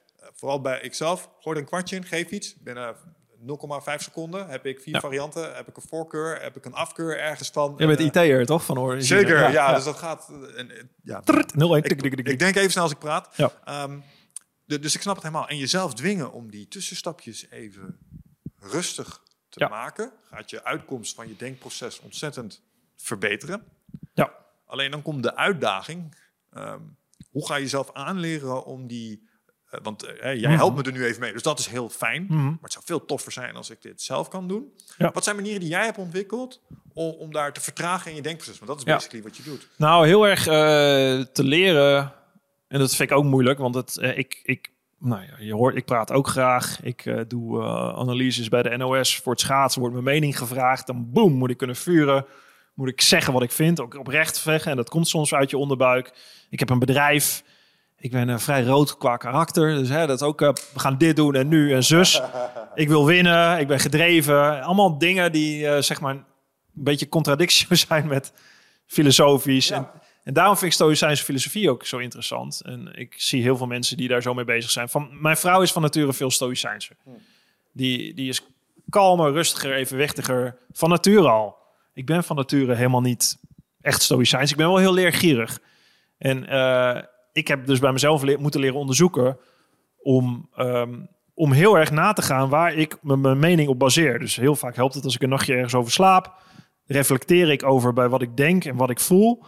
En waar het bij mij heel erg bij begint, is om normen los te laten. Dus wat jij net zegt, hè, we hebben het over vlees, over wat goed is voor de wereld. Dat zijn, vaak zijn het hele normatieve gedachten. Van we weten wat goed is of niet. Dit mag wel of niet. Het zijn allemaal normen die we mee hebben gekregen van onze opvoeding, van onze ouders, van, van onze cultuur, van het land. En het helpt heel erg om even dat los te laten. Van even los van wat goed is of slecht. Probeer dat eens los te zien. Hè? Dat is in een politieke discussie ook natuurlijk. Iedereen zit ingemetseld in zijn eigen muurtje van wat goed of slecht is. Ehm, en uiteindelijk is dat een soort ja, ethisch waardeonderzoek. Dat is eigenlijk waar filosofie in de kern over ging. Filosofie was vroeger natuurlijk ook heel erg veel natuurwetenschappen. dus eigenlijk ethica, logica, fysica. Je moet om echt goed te kunnen denken, moet je wel onderzoeken hoe de wereld werkt. Fysica, nou, dat zijn eigenlijk de natuurwetenschappen geworden. De logica, je moet op een logische manier kunnen redeneren, nadenken en uh, misschien het ook nog met elkaar kunnen eens worden of niet. En uh, je hebt de ethica natuurlijk, wat is juist om te doen en wat niet. En die dingen horen wel allemaal bij elkaar. Dus het is veel leuker om een soort helikopter te pakken en boven jezelf te gaan hangen. En zeggen, wat ben ik nu van hoopje mens dat hier nadenkt op deze stoel met allemaal concepten van wat goed of slecht is. Kan ik die ook even parkeren, naast me neerleggen en kan ik eens even bij de kern bij mezelf komen. Waar, wat, zit, wat is het dilemma in mezelf? Waar worstel ik nu echt mee? Mhm. is, het, is het de norm waar ik aan moet voldoen om geen vlees te eten? Omdat alle mensen, dat mag niet meer of het is slecht. Ja, waarom is het dan precies slecht? Heb ik dat uitgezocht? En waarom vind ik het slecht? Mhm. De hele wereld kan dat wel slecht vinden. Maar misschien denk ik, ja, interesseert mij de hele wereld. Fuck you. Ik vind het gewoon lekker om vlees te eten. Yo, ga ik doen. Ja. En waarom denk je dat niet? Weet je, dat zijn allemaal best wel concepten van wat goed of slecht is. Wat betekent het voor jezelf? Om daarbij stil te staan en dat onderzoek te doen. Ja, dan moet je een soort in conflict voorkomen. Ja. Met je hoofd en je hart. Ongemakkelijk. En, en dat is ongemak. Ja. Kost ook tijd. Ja, en dat ongemak verdragen, daar was Socrates dus heel goed in. Daarom was hij een voorbeeld voor de Stoïcijnen. Het ongemak kunnen verdragen. Dus je kan vaak uit in een gesprek ook, ja, dan geef maar een wenselijk antwoord of we doen sociaal wenselijk gedrag. Omdat, ja, ik zou er in ieder geval mee af. En ik ken het, hè, dat is soms ook handig. Zolang je er maar niet zelf in gelooft. Als je echt zelf in dat gedrag gaat geloven, soms kan je het even doen om er vanaf te zijn. Dat is misschien makkelijk. Nou, kan prima zijn. Ja. Zolang je er zelf maar niet denkt van, ja, dit, dit moet ik doen. Ja, dat is grappig. Of ik wil dit doen. Joe Rogan omschrijft dat heel mooi. Als je opkomt voor dit soort dingen, eh, of je gaat er echt even voor staan en je kiest niet voor de gemakkelijke weg, dan voelt het altijd even alsof je elkaar bij het jasje pakt. Zo. Ja. We gaan even onder water met ze zijn. Het is een kwestie van wie het langste onder water kan blijven. Ja. En, dan, en, dan, kom je boven. Maar dat is een ongemakkelijk ding. Dus een, een, een moeilijke discussie op het scherpst van de snede sturen, waarbij je ook nog jezelf aan deze uh, mentale norm wil houden. Uh, dus het Socratische ja, dat kost energie. Eh, ja, nou, dat is niet altijd fijn. En je loopt ook het risico om afscheid te moeten nemen van dingen waar je best wel aan gehecht bent geraakt. Ja, Mentaal. zeker. Mentaal. Nee, oh, absoluut. Ja, en dat is dus uiteindelijk waarom Socrates als wijze werd beschouwd door het orakel van Delphi. Uh, waarop iemand zei, en dat kwam hem tegen horen: Socrates is de meest wijze man op aarde, omdat hij. Uh, hij is de en vroeg ze aan hem: waarom ben jij de meest wijze man? Dit zegt het orakel. Hij zei: het enige. Hij zei: nou, dat ga ik onderzoeken. Ik ga mensen vragen stellen om te kijken, want er zijn zoveel mensen toch wijzer, beroemde generaals, uh, zakenlieden, priesters. En die ging die vragen stellen. En door deze manier van vragen te stellen van ik ben niet wijs, waar baseer jij op wat jij denkt, kwam die erachter naar een heel riedeltje dat die mensen over concepten spraken waar ze eigenlijk helemaal niet wisten waar ze over spraken. Oh, dit is rechtvaardig, maar wat is rechtvaardigheid of wat is vriendschap? Kwam die erachter dat die mensen na tien minuten of een kwartier of een half uur ook niet echt meer wisten wat dat concept was. Ze dachten dat ze wisten wat het was. En daarom kwam hij erachter, nou, misschien ben ik wel de meest wijze, omdat ik in ieder geval weet dat ik het niet weet. Ja. Dus ik heb de onderzoekende houding dat ik die onverdraagzaamheid of dat niet weten kan verdragen. En dat heb je natuurlijk kalmte bij nodig, rust bij nodig. En dat is natuurlijk waar de stoïcijnen... Uh, en dan heb je een soort onthechting van emoties bij nodig. En die onthechting, dat zit natuurlijk ook heel erg in het boeddhisme bijvoorbeeld in Aziatische filosofieën. Dat is dat stukje onthechten van het resultaat of van een norm om echt objectief, of zo objectief mogelijk, of het echt kan, weet ik niet. Um, om dat op, op dus zo'n manier te bekijken, ja, dat is super mooi. Dan, uh, dan kun je echt ergens naar kijken zonder daar een oordeel over te geven. En, echt, en dan krijg je hele mooie dingen voor terug. Ik heb echt Socratische gesprekken met vrienden gevoerd. Dat vrienden bepaalde dingen zeggen dat ik denk, hè? denk je dat echt? Is dat je overtuiging? Mhm. Echt vrienden ik gewoon super goed ken. Ja. Gewoon mijn beste maten. die dingen zeggen waarvan ik denk, hè? En, en, en, dat, en dat, dat, dat je dat niet over oordeelt. En dat ze uiteindelijk zichzelf gaan bevragen. Dat is superleuk. Ja, nou, dit herken ik, want COVID heeft wel uh, de gedachtepatronen van iedereen om je heen een soort van blootgelegd. Hè? Want de druk ging erop, dus het werd ineens heel duidelijk hoe je reageerde op bepaalde uh, zaken. Um, en dat je dan inderdaad ook gedacht bij sommige vrienden zegt dat je denkt, ah, wauw, had zag ik even niet aankomen deze, weet je wel. Even los van wat ik er mhm. zelf van vind. Ik, ik had echt gedacht dat jij uh, in dit kamp terecht zou komen als het mm ging om bijvoorbeeld wel of niet vaccineren. Maar jij zegt hier, kikken, uh, maar, waarom dan? Ja. En dan heb je het dan over en denk je, oh wauw. Oh, ik had, ja, net wat je zegt. Ik had geen idee dat jij hier soms met je hoofd zat, zeg maar. Ja, en heel vaak kom je dan achter bij bepaalde normen of angst. Mensen worden gereerd door de angst en dat leggen ze allemaal andere dingen op.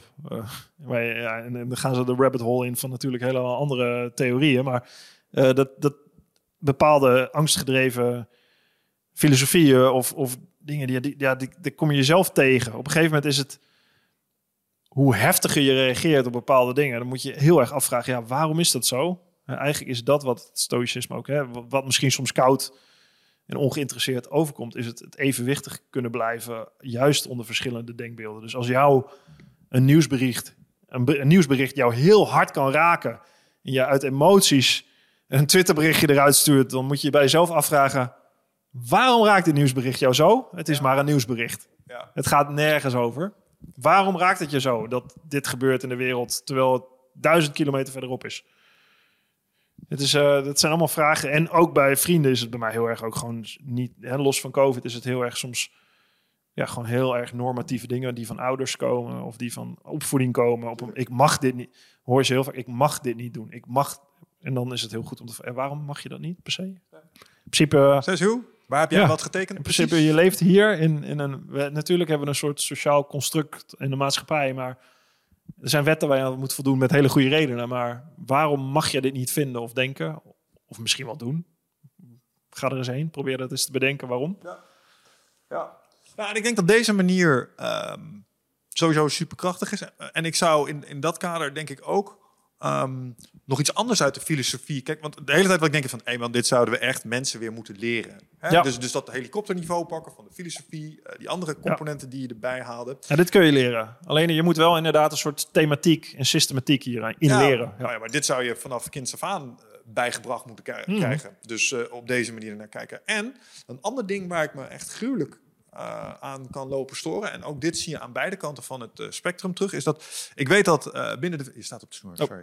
ja. um, dat binnen de filosofie zijn ook bepaalde spelregeltjes als het gaat om argumenteren. Mm. Dus logica. Je kan niet zomaar ja. een gevolgtrekking doen als bepaalde andere condities in je denken niet zijn ja. voldaan. En, dat is me ook wel iets wat, wat me is opgevallen: dat er heel veel gedachtensprongetjes worden gepermitteerd, waarbij bepaalde argumenten worden aangedragen die bijvoorbeeld eh, niet zijn, zijn niet toetsbaar of niet ja. uh, gebaseerd op feiten of meer een emotie. En binnen de filosofie, en dat is niet zozeer binnen het stoïcisme, maar ik weet wel dat er bepaalde wetmatigheden zijn waarbij, waarbinnen gesprekken of uh, constateringen moeten plaatsvinden. Ja. Kun je daar iets over zeggen? Nou, je hebt uh, logica is een heel belangrijk uh, onderzoeksonderwerp in de filosofie natuurlijk, helemaal ook wel in klassieke filosofie. En dat heeft eigenlijk inderdaad mee te maken of je op een juiste manier redeneert. Dus of je jezelf niet tegenspreekt. Alleen dat kan natuurlijk heel erg verworden uh, tot een soort academische discussie. Uh, met nulletjes en eentjes. Van uh, dit klopt niet. Dus als dit klopt, klopt dat niet. Dus als je dit en dit zegt, klopt dat niet. Um, wat de Stoïcijnen eigenlijk veel meer proberen te doen. Hè, dan eigenlijk raak je mij dan al een beetje kwijt. Dan ben ik, denk ik, ja, hè, dan wordt het bijna een soort wiskunde. Wat ook belangrijk kan zijn. Hè, de redenering moet wel kloppen. Uh, alleen wat, wat Socrates dus heel erg deed in een, in een Socratisch gesprek, is het heel erg proberen toe te passen op een persoonlijk concreet voorbeeld dat jij hebt. Ja. Uh, dus als je uh, bepaalde beweringen doet en feitelijk die moet onderbouwen, dan is dat zo. Hè? Dan krijg je een soort wetenschappelijke discussie ergens over. Prima. Alleen als je het hebt over normen, waarden en ethiek, um, dan gaat het dus om het feit dat eigenlijk het alleen werkt hier, we kunnen hele makkelijke abstracte voorbeelden noemen van dingen die. Uh, dat, dat is mijn. Ja, dit, er zijn heel veel filosofie en theorieën natuurlijk over. Dan wordt het heel spiritueel of heel, heel globaal. Dan blijft het hangen in een soort abstract niveau waar iedereen het wel of niet mee eens kan zijn. Mm eigenlijk is het filosofisch onderzoek wat echt goed werkt, denk ik. is dat je het heel concreet probeert te maken voor jezelf. Dus wat is nou het voorbeeld waar jij zelf mee worstelt, wat, jouw, uh, ja, wat jij bij elkaar brengt? En wat dan heel belangrijk is, als je het hebt over logica, is om, om, om dan de uitspraken die je zelf doet, ja, dan moet je eigenlijk iemand anders die je bevraagt, die moeten ze onthouden. En die kun je op een gegeven moment later weer inbrengen als je weer terugkomt bij je conclusies. En dan kun je kijken of, of die contrasteren met elkaar. Dan spreek je jezelf tegen. Dus in, in los van de logische argumenten waarin je elkaar jezelf kan tegenspreken omdat een gevolgtrekking van een argument niet klopt, vind ik het veel interessant om te kijken naar wat is, wat is nou wat je zelf gezegd hebt in jouw interne conflict, wat jij vond. Hè, vind je dit? Ja, oké. Geen goed of slecht. Maar wat klopt dat met de conclusie of de bewering die je later denkt te geven. Dit is trouwens wel een van de sterkste wapens binnen het debatteren, by the way. Eh, maar dan vind je er wel iets van. Het kan toch niet zo zijn dat je hier dit zegt en dat je nu hiermee ter tafel komt. Het is natuurlijk nee. uh, ridicuul. Ja, ja, precies. En uiteindelijk mag je er ook iets van vinden. Alleen heb je iemand dus eerst zichzelf... Uh, heb je eerst iemand met de worsteling in zichzelf daardoor heen getrokken.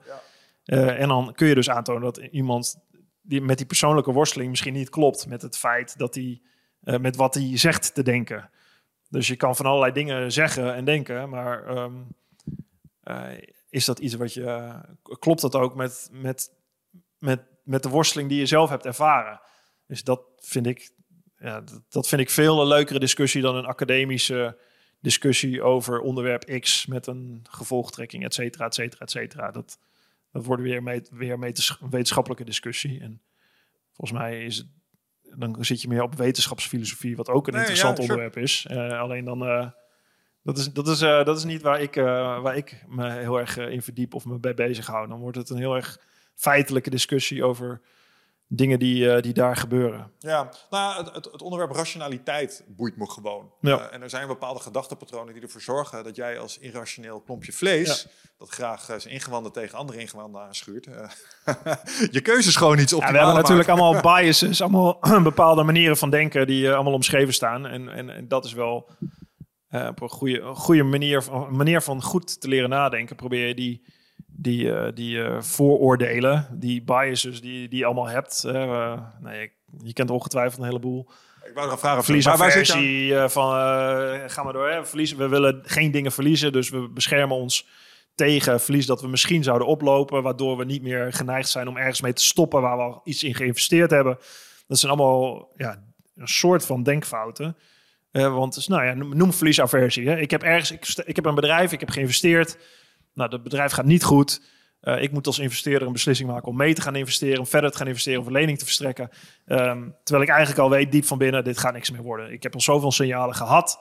Maar omdat ik al zoveel erin heb geïnvesteerd, ja, wil ik eigenlijk dat verlies niet nemen. En ga ik nog meer investeren om maar, te te, om maar het idee in stand te houden, of het kleine kans in stand te houden dat dat alsnog een succes kan worden. Dus eigenlijk is dat misschien wel een verkeerde manier van denken. Als ik mezelf goed zou bevragen, zou ik moeten kijken, investeer ik echt nog met het geloof dat ik heb met het nieuwe geld dat het bedrijf gaat redden? Of bescherm ik, ben ik nu mezelf voor de gek aan het houden door te denken van ja, ik wil het geld wat ik geïnvesteerd heb niet kwijt. De pijn van het verlies van het geld is zo groot dat ik liever nog meer geld ergens ingooi.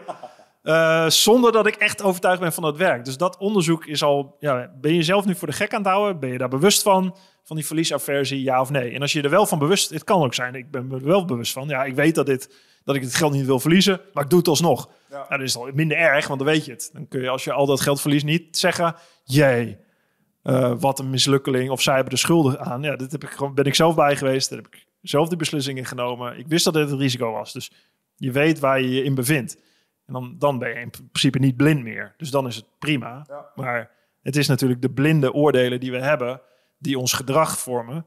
Ehm, ja, daar zit heel veel in. Om dat goed te onderzoeken, heb je een goede manier van denken nodig. Ja, ja en zo'n cost fallacy vind ik een fantastische. Um, zelf heb ik het meest last altijd van confirmation bias. Ja. Uh, want je denkt natuurlijk het liefst uh, in, je eigen, in je eigen kerk of predik liefst voor je eigen parochie, want dat is het makkelijkst. Waar loop jij het meeste risico zelf op confirmation bias? Oeh, dat ik. Uh, um, ja, dat ik me wil conformeren aan een mening of een. een, een um, ja, ik, ik word natuurlijk wel eens uitgenodigd voor praatprogramma's. Um, en ik heb over sommige dingen zeker ook wel een mening. Ehm, maar ik laat me dan niet echt uit de tent lokken. Of ik, ik, als het moreel nodig is dat ik ergens iets van zeg, dan doe ik dat. Ja. Omdat het me moreel stuitend vindt. Ik heb twee keer met Thierry Baudet aan een tafel gezeten. En uh, ja, die zegt af en toe dingen. En ik jee. Dus ik heb één of twee keer wel iets tegen gezegd. En ik ben het dan eh, op sommige dingen denk ik, ben heel heftig met hem oneens bijvoorbeeld. Dan denk ja, dit is niet. Dus ik maak nu een bewuste keuze uh, om misschien wel me te conformeren aan me stilhouden. Hè, dat, dat in plaats van dat ik nu het, de confrontatie aanga en me uitspreek en waarschijnlijk ook heel veel shit over me. Oh, die stomme schaatser of die hè, moet ze back of dit of dat. Hè. En dan kies ik er wel voor om het misschien wel. En dat bedoel ik met een hè, het is misschien niet helemaal een bias, omdat confirmation bias is natuurlijk iets wat je dan misschien onbewust doet, wat je niet door hebt en je conformeert je ergens aan. Dus misschien is, is dat wel iets wat ik wel doe. Ik, ik, heeft ook wel met een filosofische houding meer te maken dat het in een praatprogramma is waar je twee minuten de tijd geeft. En ik weet hoe televisie werkt. Ik weet hoe meningen verkondigen op televisie werkt. Ik wil me ook niet voor een karretje laten spannen van een praatprogramma waarin je vijf minuten de een en met vijf minuten een politicus en er zitten schaatsen tegenover die. Ik zeg, ah, weet je, dat is niet waar ik in wil verzanden. Maar misschien conformeer ik me daarmee wel aan een bepaalde ja, uh, uh, gedrag wat makkelijk is om je niet uit te spreken. Waarom doe je eraan mee? Na een praatprogramma gaan überhaupt. Ja, ja, ja waarom niet alleen nog maar podcast? Want je kent ook podcast. Ik vind podcast een veel leuker medium. En ik uh, zeg heel veel praatprogramma's af. Ook om die reden. Ik vind het... Vijf minuten van tevoren ook, fuck Nee, nou, dat, dat, dat, gebeurt over en weer trouwens. Nee, maar ik vind het, ik vind het, ik vind het deel van het leven... Ik, ik hou ook van avontuur. Ik hou ook wel van de spanning en de sensatie. Uh, ik hou ook wel van veel verschillende dingen meemaken. Dus ik vind uitgenodigd worden van praatprogramma vind ik ook best wel... Ja, ik vind het, het spelletje vind ik wel leuk. Van ah, wat gebeurt er dan? Waarom? Met welke reden? Uh, ik ben ook gewoon vak, ik vaak heel pragmatisch. Of als ik uh, iets wil vertellen over het stoïcisme of over een boek, denk ik, nou, dat is ook goed voor mijn naamsbekendheid. Ja, ja. Of voor het idee uh, voor een boek. ik, ik commercieel denken, dat heb ik als commerciële sporter meegekregen. En dat zit ook in me. Ik ben ook gewoon ondernemer. Daar schaam ik me ook niet voor. Dus ja, dat, dat kan ook nuttig zijn als een middel. Dus ja, ik, ik, ik zie het zo een beetje. Het is een spelletje, het is nuttig. Alleen, ik bedenk me altijd wel van ja, als ik hier instap, uh, weet je, je, je moet, ik, ik heb niet de illusie dat ik dan helemaal mezelf ben als ik dat ik bij vrienden zou kunnen zijn of bij andere mensen zou kunnen zijn. Dat is denk ik ook prima. Ja. Als iedereen dat zou doen, dan. Uh... Lees, je, lees je commentaar op social media? Uh, ja, ja, ja. Helpt het stoïcisme daarbij? Ja. Denk ik wel, hè? ja. Ja, ik heb verschillende... Ik vind Instagram een heel moeilijk medium. Ik heb natuurlijk ook wel eens fotoshoots of dingen. Denk, oh, het is ook wel mooi een mooie foto van jezelf te posten. Of, maar dat heb ik altijd een soort... Ja, denk, ja er zit natuurlijk ook wel een soort zelfbevlekking in. Dat je, oh, mooi, dan krijg je reacties op en leuk. En ik neem mensen mee in mijn leven, mijn verhaal. Ik vind het heel leuk om het stoïcisme te verspreiden. Alleen denk ik, ja, moet ik dan de filosoof uithangen? En dit, hè, daar worstel ik wel eens mee. Uh, aan de ene kant Twitter vind ik heel leuk. Dat is natuurlijk heel snel een reactie. Uh, ik volg hele interessante mensen op Twitter over de hele wereld, waar die echt mijn leven verrijken met, met mooie denkbeelden, andere manieren van denken.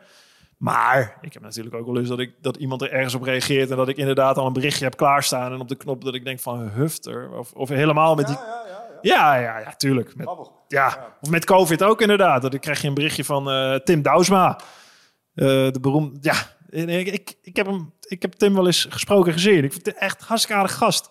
Ik kan prima met hem trainen. Met hem, alleen die heeft een bepaald denkbeeld dan over... Ja, en die komt dan met allemaal termen om de hoek. Ehm, en, dan, en dan reageert hij op een berichtje. Ik had hem volgens mij... had ik ergens een berichtje geplaatst over vaccinaties. Of dat... Hè, dat ja, goed, daar heb ik een bepaald idee over. Het is een soort sociale verantwoordelijkheid die we met allemaal hebben, vind ik hij reageert er dan op, is goed recht, daar is Twitter ook voor, met een heel relaas ergens op. En dan, en dan, sta, dan heb ik al iets, dan denk ik, nou, dan, ik, ik ga hierop reageren. En dan denk ik echt twee keer, drie keer, vier keer na. Waarom reageer als ik op iemand, hè, Epictetus, wederom, denk ik, de lessen van de Stoïcijnen komen dan echt letterlijk naar me toe. Die zei, oké, als jij reageert op een belediging, ben je medeplichtig aan de belediging. Dus pas op wat je doet. Ja. Als iemand mij, ik voel me beledigd, waarom raakt hij me? Dan, hè, als, als dit een, een, een wetenschapper was die hoog aan, vooraanstaand medisch wetenschapper was geweest, een autoriteit op zijn gebied, die uh, peer-reviewed, published, alles uh, en een normaal logisch manier van denken hanteert. En die zou me op een punt wijzen waarop ik misschien over na zou moeten denken, dan was het voor mij heel anders. Dan had ik erover nagedacht of had ik gezegd, oh bedankt voor je input of dinges. Maar dit was een hele andere situatie. En die had waarschijnlijk ook een ander toontje gezongen. Waarschijnlijk wel. Die had zich, die, weet je, waarom moet je iemand op die... Ik dacht, wie moet ik overtuigen? Het doel van een berichtje waarom ik ga... Is mijn doel een berichtje te sturen om hem ergens van overtuigen? Dat is uitgesloten, nutteloos. Gaat niet gebeuren. Bespaar de illusie, dus bespaar je ook gewoon het berichtje. En ik ga gewoon lekker verder. Maar dat kost wel... Dat kost wel een soort strijd met jezelf. Want je, mijn innerlijke reactie, mijn eerste impuls... Yes, natuurlijk als iemand me afsnijdt in het verkeer, is mijn eerste impuls ook niet van, oh, ga maar voor, lekker joh. Tuurlijk, tuurlijk niet. Kan gebeuren. Kan gebeuren. Mijn eerste impuls is ook, als ik nu de auto instap, uitstap en jij ook, dan hebben we nu een probleem, vriend. Maar ja, ja dat, dat is wel wat je, dat, wat, dat is waar het stoïcisme ook grotendeels om gaat. Die eerste impuls leren te onderzoeken en daar niet meteen naar te handelen. Dat is natuurlijk soms best wel lastig. Ik heb er de volgende houding opgepakt, want mensen vinden er wel eens iets van. Um, maar ik denk altijd, ah, zou je nooit in het echt zeggen. Ja. Daar ga ik altijd gewoon vanuit. Als je voor me zou staan, ja. zou je nooit in het echt zeggen. Ja, dat is een hele goede regel. Ja. ook voor jezelf, ook voor de ander.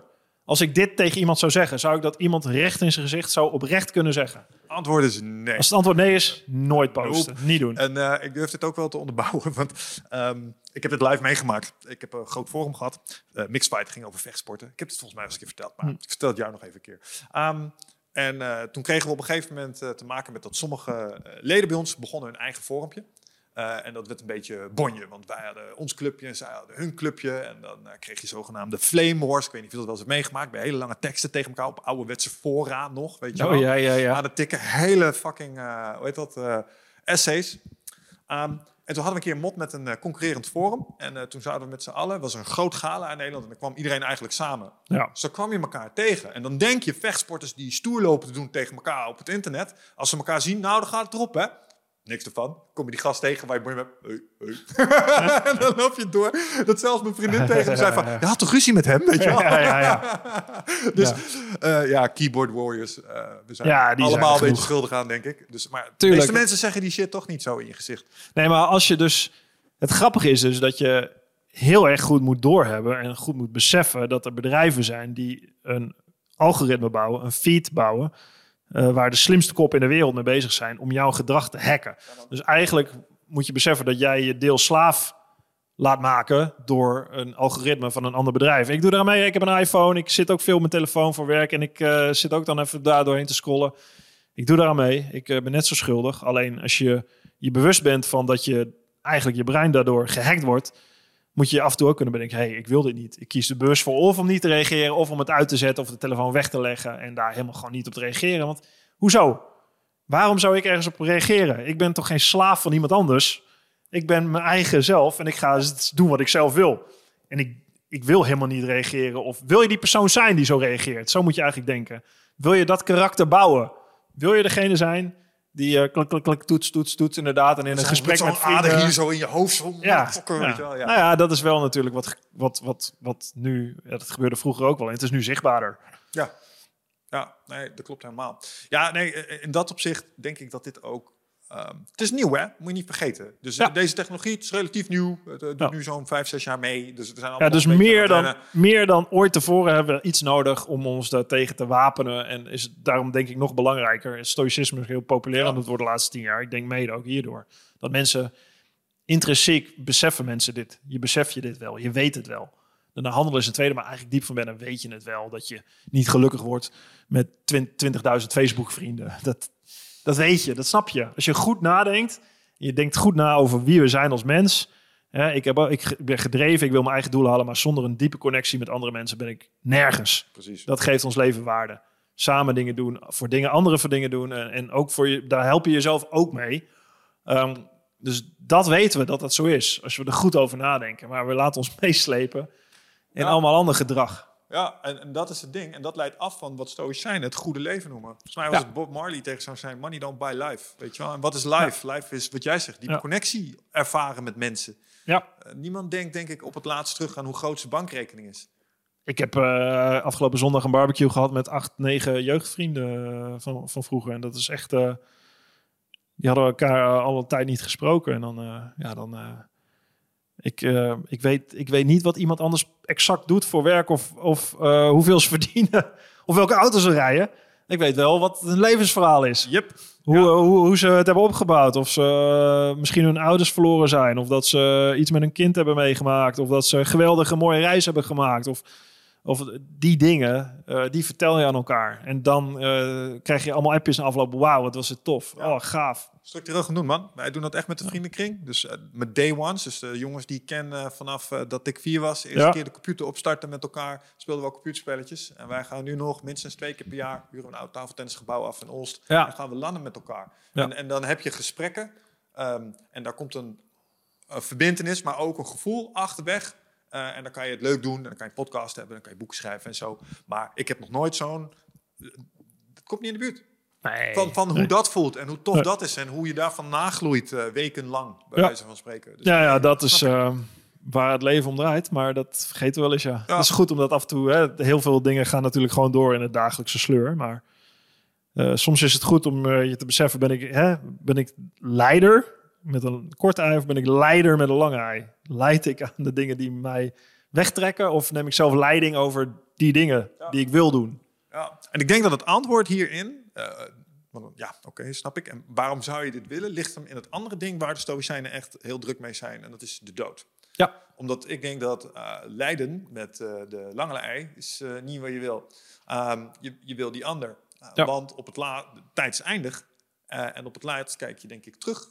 En dan ja, kunnen er een paar dingen gebeuren. Namelijk spijt om wat je wel of niet hebt gedaan. en misschien een beetje bang zijn voor wat er komen gaat. Ja. Um, en nou, luisteraars van de podcast weten wel, ik heb het wel eens over de dood nagedacht. Mm -hmm. Ik vind het niet altijd een heel fijn onderwerp. Maar de Stoïcijnen, die hebben me wel een paar inzichten gegeven. Van, oké okay man, ja, sure, als je het zo benadert. Ik hoop dat ik dit paraat weet te houden ja. op het moment dat ik ja. ervoor sta. Ja. maar ik snap wat je zegt.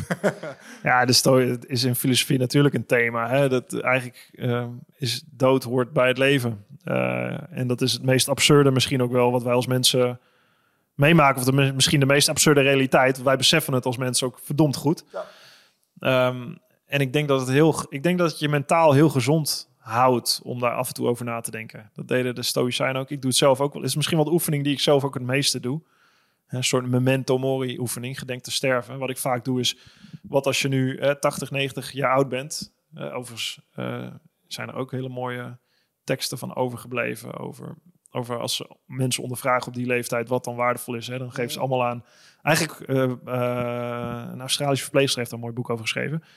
Um, zeggen die mensen, uh, waar ze het meest spijt van zouden hebben dan, is dat ze het leven leiden, dat ze niet het leven geleid hebben dat ze zelf wilden leiden. Als je het over leiden hebt en leiden. Ja, ja, ja, dus dat komt weer weer over die lange en die korte ei. Ja, dat is eigenlijk ja, dat is het meest trieste wat je zou kunnen zeggen bijna. Uh, heel begrijpelijk misschien, uh, maar niet, dat, zou je, dat is niet iets wat ik nooit zou willen. Als je 80, 90 hopelijk, dat we dat halen, zou worden en zou terugdenken op je lijden, zou je eigenlijk willen kunnen zeggen, ik heb een fantastisch goed leven geleid. En uh, ja, het is mijn tijd nu om te sterven en dat is dan zo.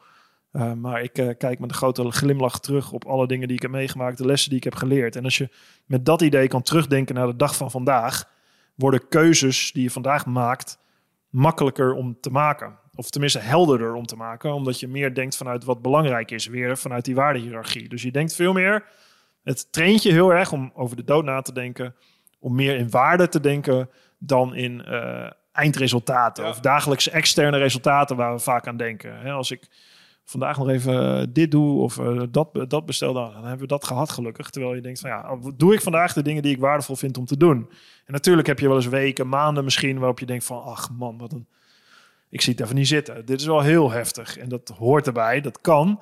Maar als je op een langere periode uh, niet wakker wordt en denkt van shit, hoe lang moet ik nog? Ik hoor soms mensen inderdaad, nou als ik met pensioen ben dan, oh, uh, ik wil zo min mogelijk werken nog. En daarna denk je, ja maar hè, hoe, hoe, hoe, sta je dan in het leven? Ben je de dingen aan het doen die je... Hè, ga je pas leven als je 65 bent of 70? Of, of ben je er nu al mee bezig en denk je... Hey, uh, en dat, ik bedoel er ook niet mee van... ik ga nu vrij nemen, ik ga de hele wereld over reizen. Nou, als je het belangrijk vindt, doe dat. Maar kom je ook denk ik misschien van een koude kermis thuis. Wat de Stoïcijnen eigenlijk bedoelen is te zeggen, je hoeft niet te vluchten naar een ander land of naar een andere baan. Of dan, je hoeft niet te vluchten naar iets uit jezelf. Het ligt in jezelf. De keuzes die je maakt, de dingen die je nastreeft, liggen in jezelf. En daar moet je je leven op gaan aanpassen. Dus misschien moet je inderdaad keuzes gaan maken. Maar die moet je maken met het idee, als ik zou sterven, kan ik dan vredig zeggen, ik heb geleefd. Ik heb Fortuna's race gereden, zou Seneca mooi zeggen. Iedere dag dat we gaan slapen, moeten we eigenlijk tegen onszelf zeggen: Heb ik Fortuna's race gereden? Fortuna was de, de godin van het lot, de vrouw van het lot. Hè? Het lot wat ons, waar we niet altijd iets over te zeggen hebben, wat ons ten deel valt. Voor de ene zwaar, voor de ander licht. Als we dat kunnen omarmen en als we daar dankjewel kunnen, tegen kunnen zeggen, iedere dag dat we gaan slapen, dan heb je de race gereden. En of je morgen wakker wordt of niet, dat zie je morgen. Amor fati. Amor fati, ja. het lot lief. Ik moet heel erg denken aan een uh, quote uh, uit het boek Walden van Thoreau. Mm -hmm. Toen ik hoorde praten over mensen die dan tot op het laatst, want als ik nog zoveel jaartjes dan... Um, dat vind ik een van de meest schrijnende quotes die ik ken. Uh, maar dat is, most men and women lead lives of quiet desperation. Ja. Dat is al heel erg. Maar het tweede gedeelte van die quote is nog het meest schrijnend. En daar had jij het over, over die mensen die 90 zijn en terugkijken. Ja. They go to the grave with the song still in them. Met andere woorden, ze hebben hun lied niet gezongen. Ja. En dat is denk ik een van de meest pijnlijke. Ik denk dat dat de hel is. Snap ja, je? Ja. Ik denk dat dat de hel is. We zien, oké, ik had iets moeten doen. Ik heb het niet gedaan.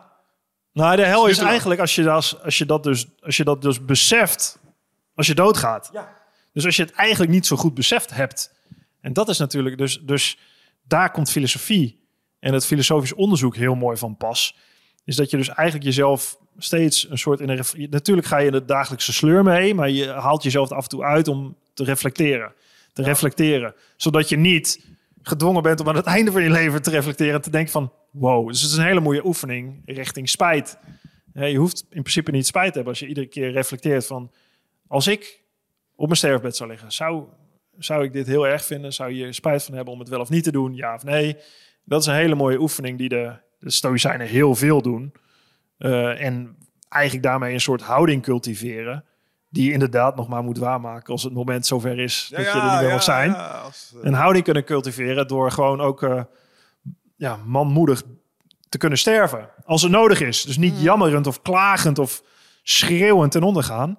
Maar met het hoofd omhoog. en Um, of dat zo is, moet je kunnen waarmaken, maar, maar dat, je, dat je daarover nadenkt en daarover jezelf visualiseert, dat je dat zou kunnen, dat geeft al heel veel kracht. Dat je denkt van ja, ik kan uh, met mijn hoofd omhoog sterven, want ik leef zo. Die, die houding waar je zelf in zou willen sterven, dat bepaalt eigenlijk de houding uh, waarin je leeft ja. iedere dag. Uh, Chief Temuke, volgens mij, ik heb een quote van hem in mijn boek staan. En de laatste regel van, een, van zijn gedicht is: Zing je stervenslied en keer terug als een, als een held die naar huis komt. Snap je? En dat is hoe je dit leven uit zou moeten stappen. Zo van: hey, je gaat nu de drempel over. Hey guys, I made it. Ja. Heb je gezien wat ik allemaal gedaan heb? Weet je ja. Dat zo bijna een soort van trots van: hey, ja. kikken dit. Ja, of inderdaad, met je gewoon, gewoon moedig sterven. Als het zo moet zijn niet vechtend tegen het lot. Daar, dat, daar komt amor fati ook een beetje vandaan natuurlijk, wat de stoïcijnen heel erg cultiveren. Dus het lot wat je voor je voeten geworpen krijgt, waar we geen controle over hebben, omarmen en als het kan ook lief hebben. Uh, wat super moeilijk is. Ja. Uh, vertel dat maar tegen iemand die zwaar ziek is of aan kanker lijdt of aan hè? Ja. Nou ja, het is uh, je lot. moet je ook nog even lief hebben als het lukt hoor. dat is natuurlijk verschrikkelijk moeilijk. Alleen als je er juist bij nadenkt, is dat het enige wat je kan doen. Je kan die werkelijkheid niet veranderen. Dus de andere keuze is om de werkelijkheid te accepteren en lief te hebben. Uh, en dat is dus de enige keuze die je hebt. Je kan een andere keuze maken, maar daarmee ja, wordt je leven niet beter. Ik heb hier een gast gehad, Mirjam Spithold. En die, ik vind het fijn dat zij dit gesprek heeft gehad uh, met iemand die in haar publiek zat. En het ging over geluk. Zeg, ja, het is leuk dat je dan zegt het geluk, maar ik ga over zes maanden dood. Ja. Maar Mirjam tegen haar zei, mooi zo. Want nu kun je er nog vol voor gaan. Je ziet het aankomen. Het had ook kunnen zijn dat het morgen ineens voorbij was. En nu is het aan jou om ervoor te kiezen hoe je die laatste zes maanden door gaat komen. En ik denk nog steeds dat het rationeel, als je denkt, shit, ik ga dood, ik wil niet dood. En oh, het doet pijn, dat het heel moeilijk is. Maar die vrouw, die heeft achteraf wel meer om genoeg. Ik zeg, ja, maar je had wel gelijk. En ik ben blij dat je me die reality check hebt gegeven. Want anders had ik misschien een aantal van die laatste maanden had ik weggegooid. Ja, of jammerend doorgebracht. Of help, exact, erg leidend, mij. Ja, leidend. Echt in lijden. En dat is super moeilijk, hè? Dat is echt Nee, dus het is makkelijker gezegd dan gedaan. Ja. ik begin doodgaan steeds meer als een soort examen te zien. Ja. Ja, echt. Zo van, Nou, ik noem in mijn boek eh, als voorbeeld Bibian Mentel. Die heb ik ook voor mijn podcast mogen interviewen. Vind ik een heel groot voorbeeld op sportief vlak, maar helemaal nog op mentaal vlak. Weet je, zij, zij wist al heel lang dat ze dood zou gaan. ja, Ehm, en zij heeft gewoon eh, niet alleen voor haarzelf, maar ze heeft een stichting opgericht om andere gehandicapten te helpen. Haar onderbeen moest geamputeerd worden toen daar een kankergezwel in zat. Ze heeft hoogstpersoonlijk Paralympisch snowboarden op de agenda gekregen. Had ook nog even twee gouden medailles in gewonnen of drie. En ja, zij is zo'n inspiratiebron. En dat alles heeft ze gedaan, en dat is misschien nog het allerbelangrijkst, met een instelling door niemand de schuld te geven, nooit te klagen, maar zelf te leiden. Dus zij was het voorbeeld in het gedrag wat ze, ja, wat ze tentoonspreidde. In de acties die ze zelf Ja. ondernam. Dus zij ging echt met eh, opgeheven hoofd. Als inspiratiebron. En zo leeft zij voort voor mij. Ja. En dat vind ik super krachtig. Ik, ik, ik zou niet kunnen oordelen wat ik zou zelf zou doen in zo'n situatie. Ehm, maar ja, het stoïcisme impliceert wel, en dat is wel een opdracht ook naar mij, en dat zeg je eigenlijk zelf ook al, Ja. is dat, het, dat je die houding, ja, die, dat, eh, dat moet je wel kunnen cultiveren. Dat moet, die opdracht moet je aan jezelf stellen om daar eh, werk van te maken. Ja. ja, ik weet niet welke stoïcijn het was die het zijn, maar laat elke derde gedachte over je dood zijn. Wat zei je, Elke? Ik weet niet welke stoïcijn dit zijn, maar de, de, de- het quote was: Mhm. laat elke derde gedachte Oh ja. aan je dood zijn. Zo van, eh, Ja. dit gedaan, dat gedaan. Oh ja, Ja. gaat dood, hè? Weet je wel? Zo van, zijn we nog de juiste dingen aan doen we nog de juiste. Ja, nou, ik, dit is de oefening die ik denk ik het, het vaakst ook doe. Ja, en die is helemaal niet luguber. Die, of die vind ik helemaal niet heftig. Die is meer, eh, eh, het is meer een reality check voor vandaag. Ja. Ik sta echt iedere dag op met een heel dankbaar gevoel. En het is niet, ik doe niet wel als ik doodga, dan, eh, ik maak er niet een heel spektakel van. Maar het is wel af en toe een goede, inderdaad, een goede reality check. Ja. Nou, ik heb wel eens nachten gehad dat ik s'nachts, misschien ken je dit wel, dan, het was vooral voordat ik met stoïcisme bezig was, hè, maar nog steeds wel. Soms dan kan je niet slapen, en dan lig je wakker en dan lig je naar het plafond en denk je, fuck man, ik ga ooit dood. Hoe, hoeveel hartslagen nog, weet Oh, je wel? ja? Ja, ja, ja, daar, daar kan je dan echt mee... en denk, lijkt me echt kut, man. en dan, ben je daar, dan kan ik daar echt mee bezig zijn. Het is mooi hoe we onszelf gek kunnen maken. Ja joh, dat- nee, 100%. Maar aan de andere kant ehm, ben ik er ook wel blij mee.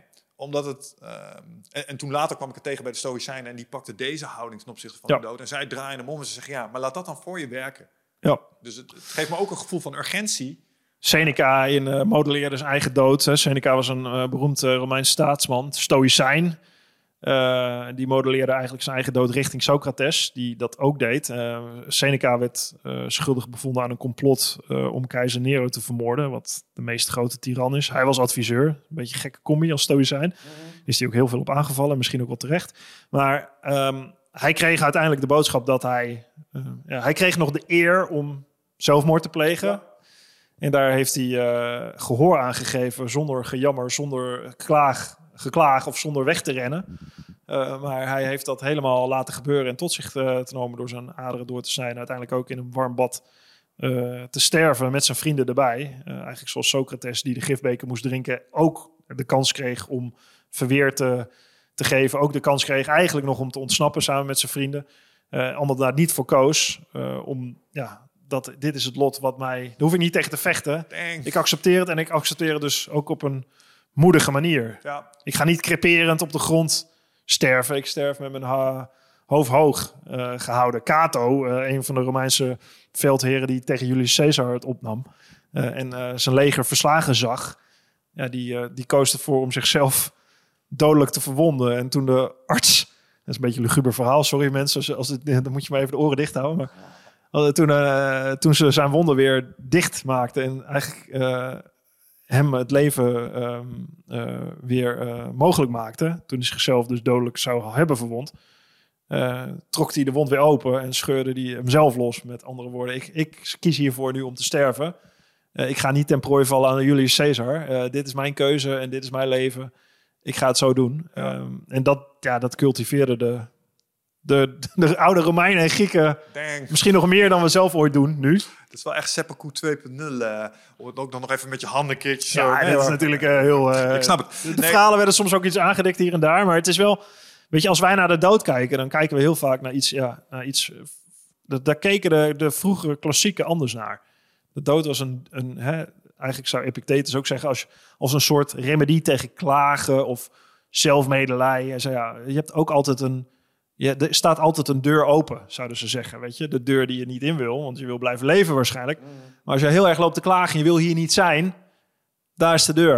Je kan hier best wel snel uit, ja, als je, Je wil. kan hier snel uit als je zou willen. Dus met andere woorden, je kiest ervoor om te leven.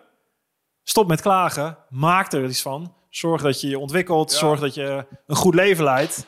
Eh, en laat die deur dicht. Ja, I love it. En, en het feit dat ze, ehm, eh, ik geloof dat op het laatst probeerden ze dit ook echt waar te maken. Want ik kan me herinneren Ja. dat eh, of met de gifbeker of met de aderlating, ehm, dat, dat ze zelf dan ook nog even eh, een uur ervoor of zo, toch nog even een aantal van de Stoïcijnse geschriften door hebben gelezen van, hey, het is, Ja. sla- het is als slapen. Als je je Ja. voor je leven wist je ook niet dat je er niet was, weet je wel, dat soort. Ja, en ergens Klopt. heeft het iets heel geruststellends. Maar Ja. ik vind het wel echt testiculaire fortitude hebben hoor. Dat je er zo, zo manhaftig op afstapt. Ja, dat is, een- dat is wel een stoïcijnse, eh, hè, dus eh, de, een, een moedige houding. Eh, dus ook als je een strijd ingaat of als je iets moeilijks gaat doen. ehm, de angst die je voelt, die is er natuurlijk. Ik, als ik op een Olympisch podium sta voor een start, dan voel ik angst.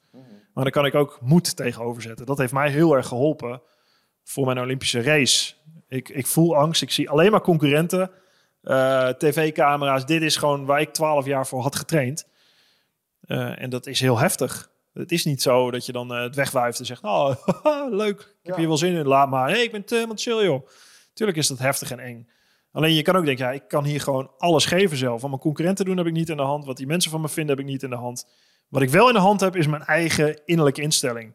Daarom noem ik het een stoïcijnse mindset. Het is een houding kweken van moedig zijn, van eh, strijdvaardig zijn, eh, van hup, alles geven. En dat kun je wel cultiveren. Ja. En dan daarmee eh, is dat de beste remedie tegen angst. En het is niet het wegduwen van angst, maar het is iets tegenover zetten wat sterker is dan die angst. Ja. Ik geloof dat ik... ehm, ja, ik vind die stoïcijnen sowieso... De, dit zijn van, het zouden Rotterdammers kunnen zeggen... Niet lullen, maar poetsen, weet je wel. Ja. Zo van, een van de dingen die ik ook zo sterk van ze vind... Is woorden als, maar daden komt letterlijk voor in de, Ja. in de, in de teksten. als het gaat om klagen. Ehm, Zo van, ja, leuk dat je nu een tantrum hebt gesmeten... of dat je hebt lopen huilen, maar... Is het er nu beter van geworden? Vraagteken. Ja. Eh, En, en het is natuurlijk een retorische vraag, want het is altijd nee. Het, het, wordt er eigenlijk nooit beter van. Ehm, want er is alleen het werk wat eruit voortvloeit. En, en daar zou je je op moeten richten. Nee, dat is, dat is, je, moet, je moet jezelf eigenlijk bijna verbieden te klagen. Of in ieder geval niet te geloven in je eigen geklaag. Tuurlijk kun je eens een keer klagen of ergens eh, iets. Maar als je er zelf in gaat geloven, dan heb je een probleem. Ja.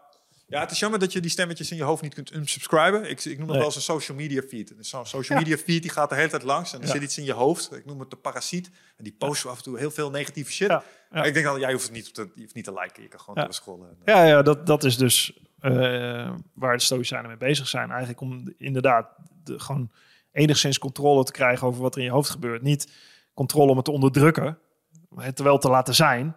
Maar zelf ervoor te kiezen wat je eruit haalt. En dus leert wat nuttig is om eruit te halen en wat niet. Ja. Wat laat je zitten en eh, laat je voorbij gaan. Wat vind jij nuttig en haal je eruit om te bepalen. eh, dat heb je dan al bepaald, wat, wat jij wilt nastreven. Ja. Dingen die je wil doen. Ehm, dus dat, dat filter moet je baseren op, op de waarde die je wil nastreven. En als je dat filter hebt, dan moet je op basis van dat filter zelf de dingen uithalen die je helpen. En als wat je niet helpt, dat gooi je lekker hup, weg. Ja. Weg ermee. Geen Ja, en aan. dat is interessant, want die vrijheid heb je gewoon. die vrijheid hebt. Dat is misschien wel de enige vrijheid die je echt hebt. Als je het over een vrijheidsconcept hebt, dat heeft niet te maken met eh, de ge- regering verbiedt dit of wel. Eh, James Stockdale was een eh, Amerikaanse gevechtspiloot die in de Hilton Hanoi zat in Vietnam. Die zat opgesloten in beenijzeren, in touwen. Die was niet vrij. Maar de enige vrijheid, en hij omschrijft het zelf, Epictetus was ook zijn leermeester, Ja. Eh, is de vrijheid, deze vrijheid. De vrijheid om zelf te verkiezen welke houding je aanneemt. En dat is misschien wel, ze, je kun, ze kunnen je lichaam opsluiten. Epictetus was een slaaf, die zei het letterlijk. Maar niet je innerlijke instelling. ik ken dit verhaal. En uh, ik, het is een inspirerend verhaal. Want wat die lui deden, die hebben daar volgens mij twaalf jaar vastgezeten of zo. Ja. Uh, en uh, ze konden niet veel, maar ze hebben in die twaalf jaar daar, hebben ze zoveel georganiseerd voor zichzelf. Omdat inderdaad, ja, we zitten tussen Ja. deze muren, maar ze hadden een eigen college, hebben ze daar opgezet, waarin ze elkaar les gaven in van alles en nog wat. Ze hadden eh, een entertainment eh, structuur, waarbij verhalen en series en zo werden die nog En ze hadden een leiderschapsstructuur die Ja. in stand bleef. Klopt. Dus ze en hadden de een normen en waardekader binnen die. En dat eh, kader binnen die structuur, die hebben ze vastgehouden. En dat hadden ze van tevoren al beslist. Dat ze die, en dat was aan de leiding, dus de hooggeplaatste officieren. ja, Die hadden de morele plicht om die code te volgen. Pride, Faith en Discipline was het volgens mij. Dat waren hun drie eh, normen. En iedereen die in die gevangenis zit, werd ook een soort van geacht om daar gewoon in mee te gaan. Ja. Dit, we komen hier met z'n allen uit. Ja, dat is grappig. Hè? In zulke situaties, je hebt volgens mij ook in een, een Joods concentratiekamp... eh, waar er dus alles heerste behalve rechtvaardigheid. Daar gingen, daar gingen bepaalde gevangenen zelf eh, rechtza- rechtbanken installeren. Dus op een gegeven moment gingen ze voor zichzelf een soort van menselijkheid organiseren. Omdat een bepaalde rechtvaardigheid of een bepaalde morele plicht richting anderen... Rechtvaardigheid heeft natuurlijk altijd te maken met anderen. Met het juiste doen richting anderen als als gemeenschap, we zijn sociale dieren. Dat is wel mooi uit het stoïcisme. Er zijn twee hele belangrijke pijlers. Eén, dat we rationele dieren zijn. Dus we hebben het vermogen om na te denken en dus te filteren. En twee, we zijn sociale dieren. Dus we doen alles in een concept en een connectie met elkaar. Dus die twee dingen zijn heel belangrijk om in je achterhoofd te houden. En dat is wat ze daar deden. Die, die, die, die gevangenen die hadden een soort eigen rechtbank opgezet... om het concept van rechtvaardigheid in ieder geval hoog te houden. Dus hè, als, als, als de moreel en ethisch gezien alles wegvalt om je heen, dan, dan organiseer je het zelf nog. Wat, wat een basisbehoefte is voor een goed leven. Ja, Waarom dat- dit ook dus zo belangrijk is in filosofie. Ja, rechtvaardigheid. Wauw. Moed, rechtvaardigheid, wijsheid En- Eh, moderatie. en discipline, Ja, matigheid, ja, Ja. zelfdiscipline. gaaf. Ik denk dat wat het ook is wat je doet, in het stoïcisme zit voor iedereen, en in deze podcast dus ook denk ik, voor iedereen iets wat je, en dat is het mooie eraan, direct kunt gaan toepassen. Ja. De, de, het, het, en het onmiddellijke effect is er ook. Dus eh stoïci- het Ik stoïcisme... heb eh, kan je- zoveel vrienden al boeken gestuurd en dingen gedaan. En iedereen die ik ken heeft er iets aan gehad. Ja. Dus ik hoop dat dat ook waar is eh, voor de mensen die naar deze eh, podcast hebben geluisterd. We zitten inmiddels alweer op de twee uur, dus het eh, vloog. Oh, ja. ja, time flies when you're having fun. Ehm, dus ik wil jou sowieso echt heel erg bedanken. Ehm, tegelijkertijd heb ik ook nog een setje vragen waar ik echt volledig niet aan toe ben gekomen. Over het ondernemerschap. Je doet allerlei toffe dingen. Over je carrière als eh, topsporter. Je vitaliteit, je voeding. Alles wat je daarmee doet. Een stukje spiritualiteit, mindfulness misschien. Dus misschien vind je het leuk om nog een keer terug te komen. Om het daar nog een keer over eh, door te kletsen. Sure. Ja, maar voor nu ehm, ja, zou ik je vooral willen bedanken. Voor je tijd en eh, voor je energie. Stel je nou toch eens voor, je luistert naar deze podcast. Je denkt, deze gast moet echt even een keer bij ons verhaal komen vertellen. Want we vinden dit mooi. Waar kunnen ze vinden? Marktuitert.nl. Mijn website staat alles eigenlijk als eh, voor mensen die me willen boeken als spreker, met mijn boek Drive, eh, met mijn bedrijf ook First Energy Gum. Via Fit Channel doe ik een aantal dingen. Dus dat staan eh, op, eigenlijk op mijn eigen website www.marktuitert.nl kun je alles vinden wat ik doe en waar ik mee bezig ben. Go check it out, fuckers. Luister jullie de volgende keer weer. Tot ziens.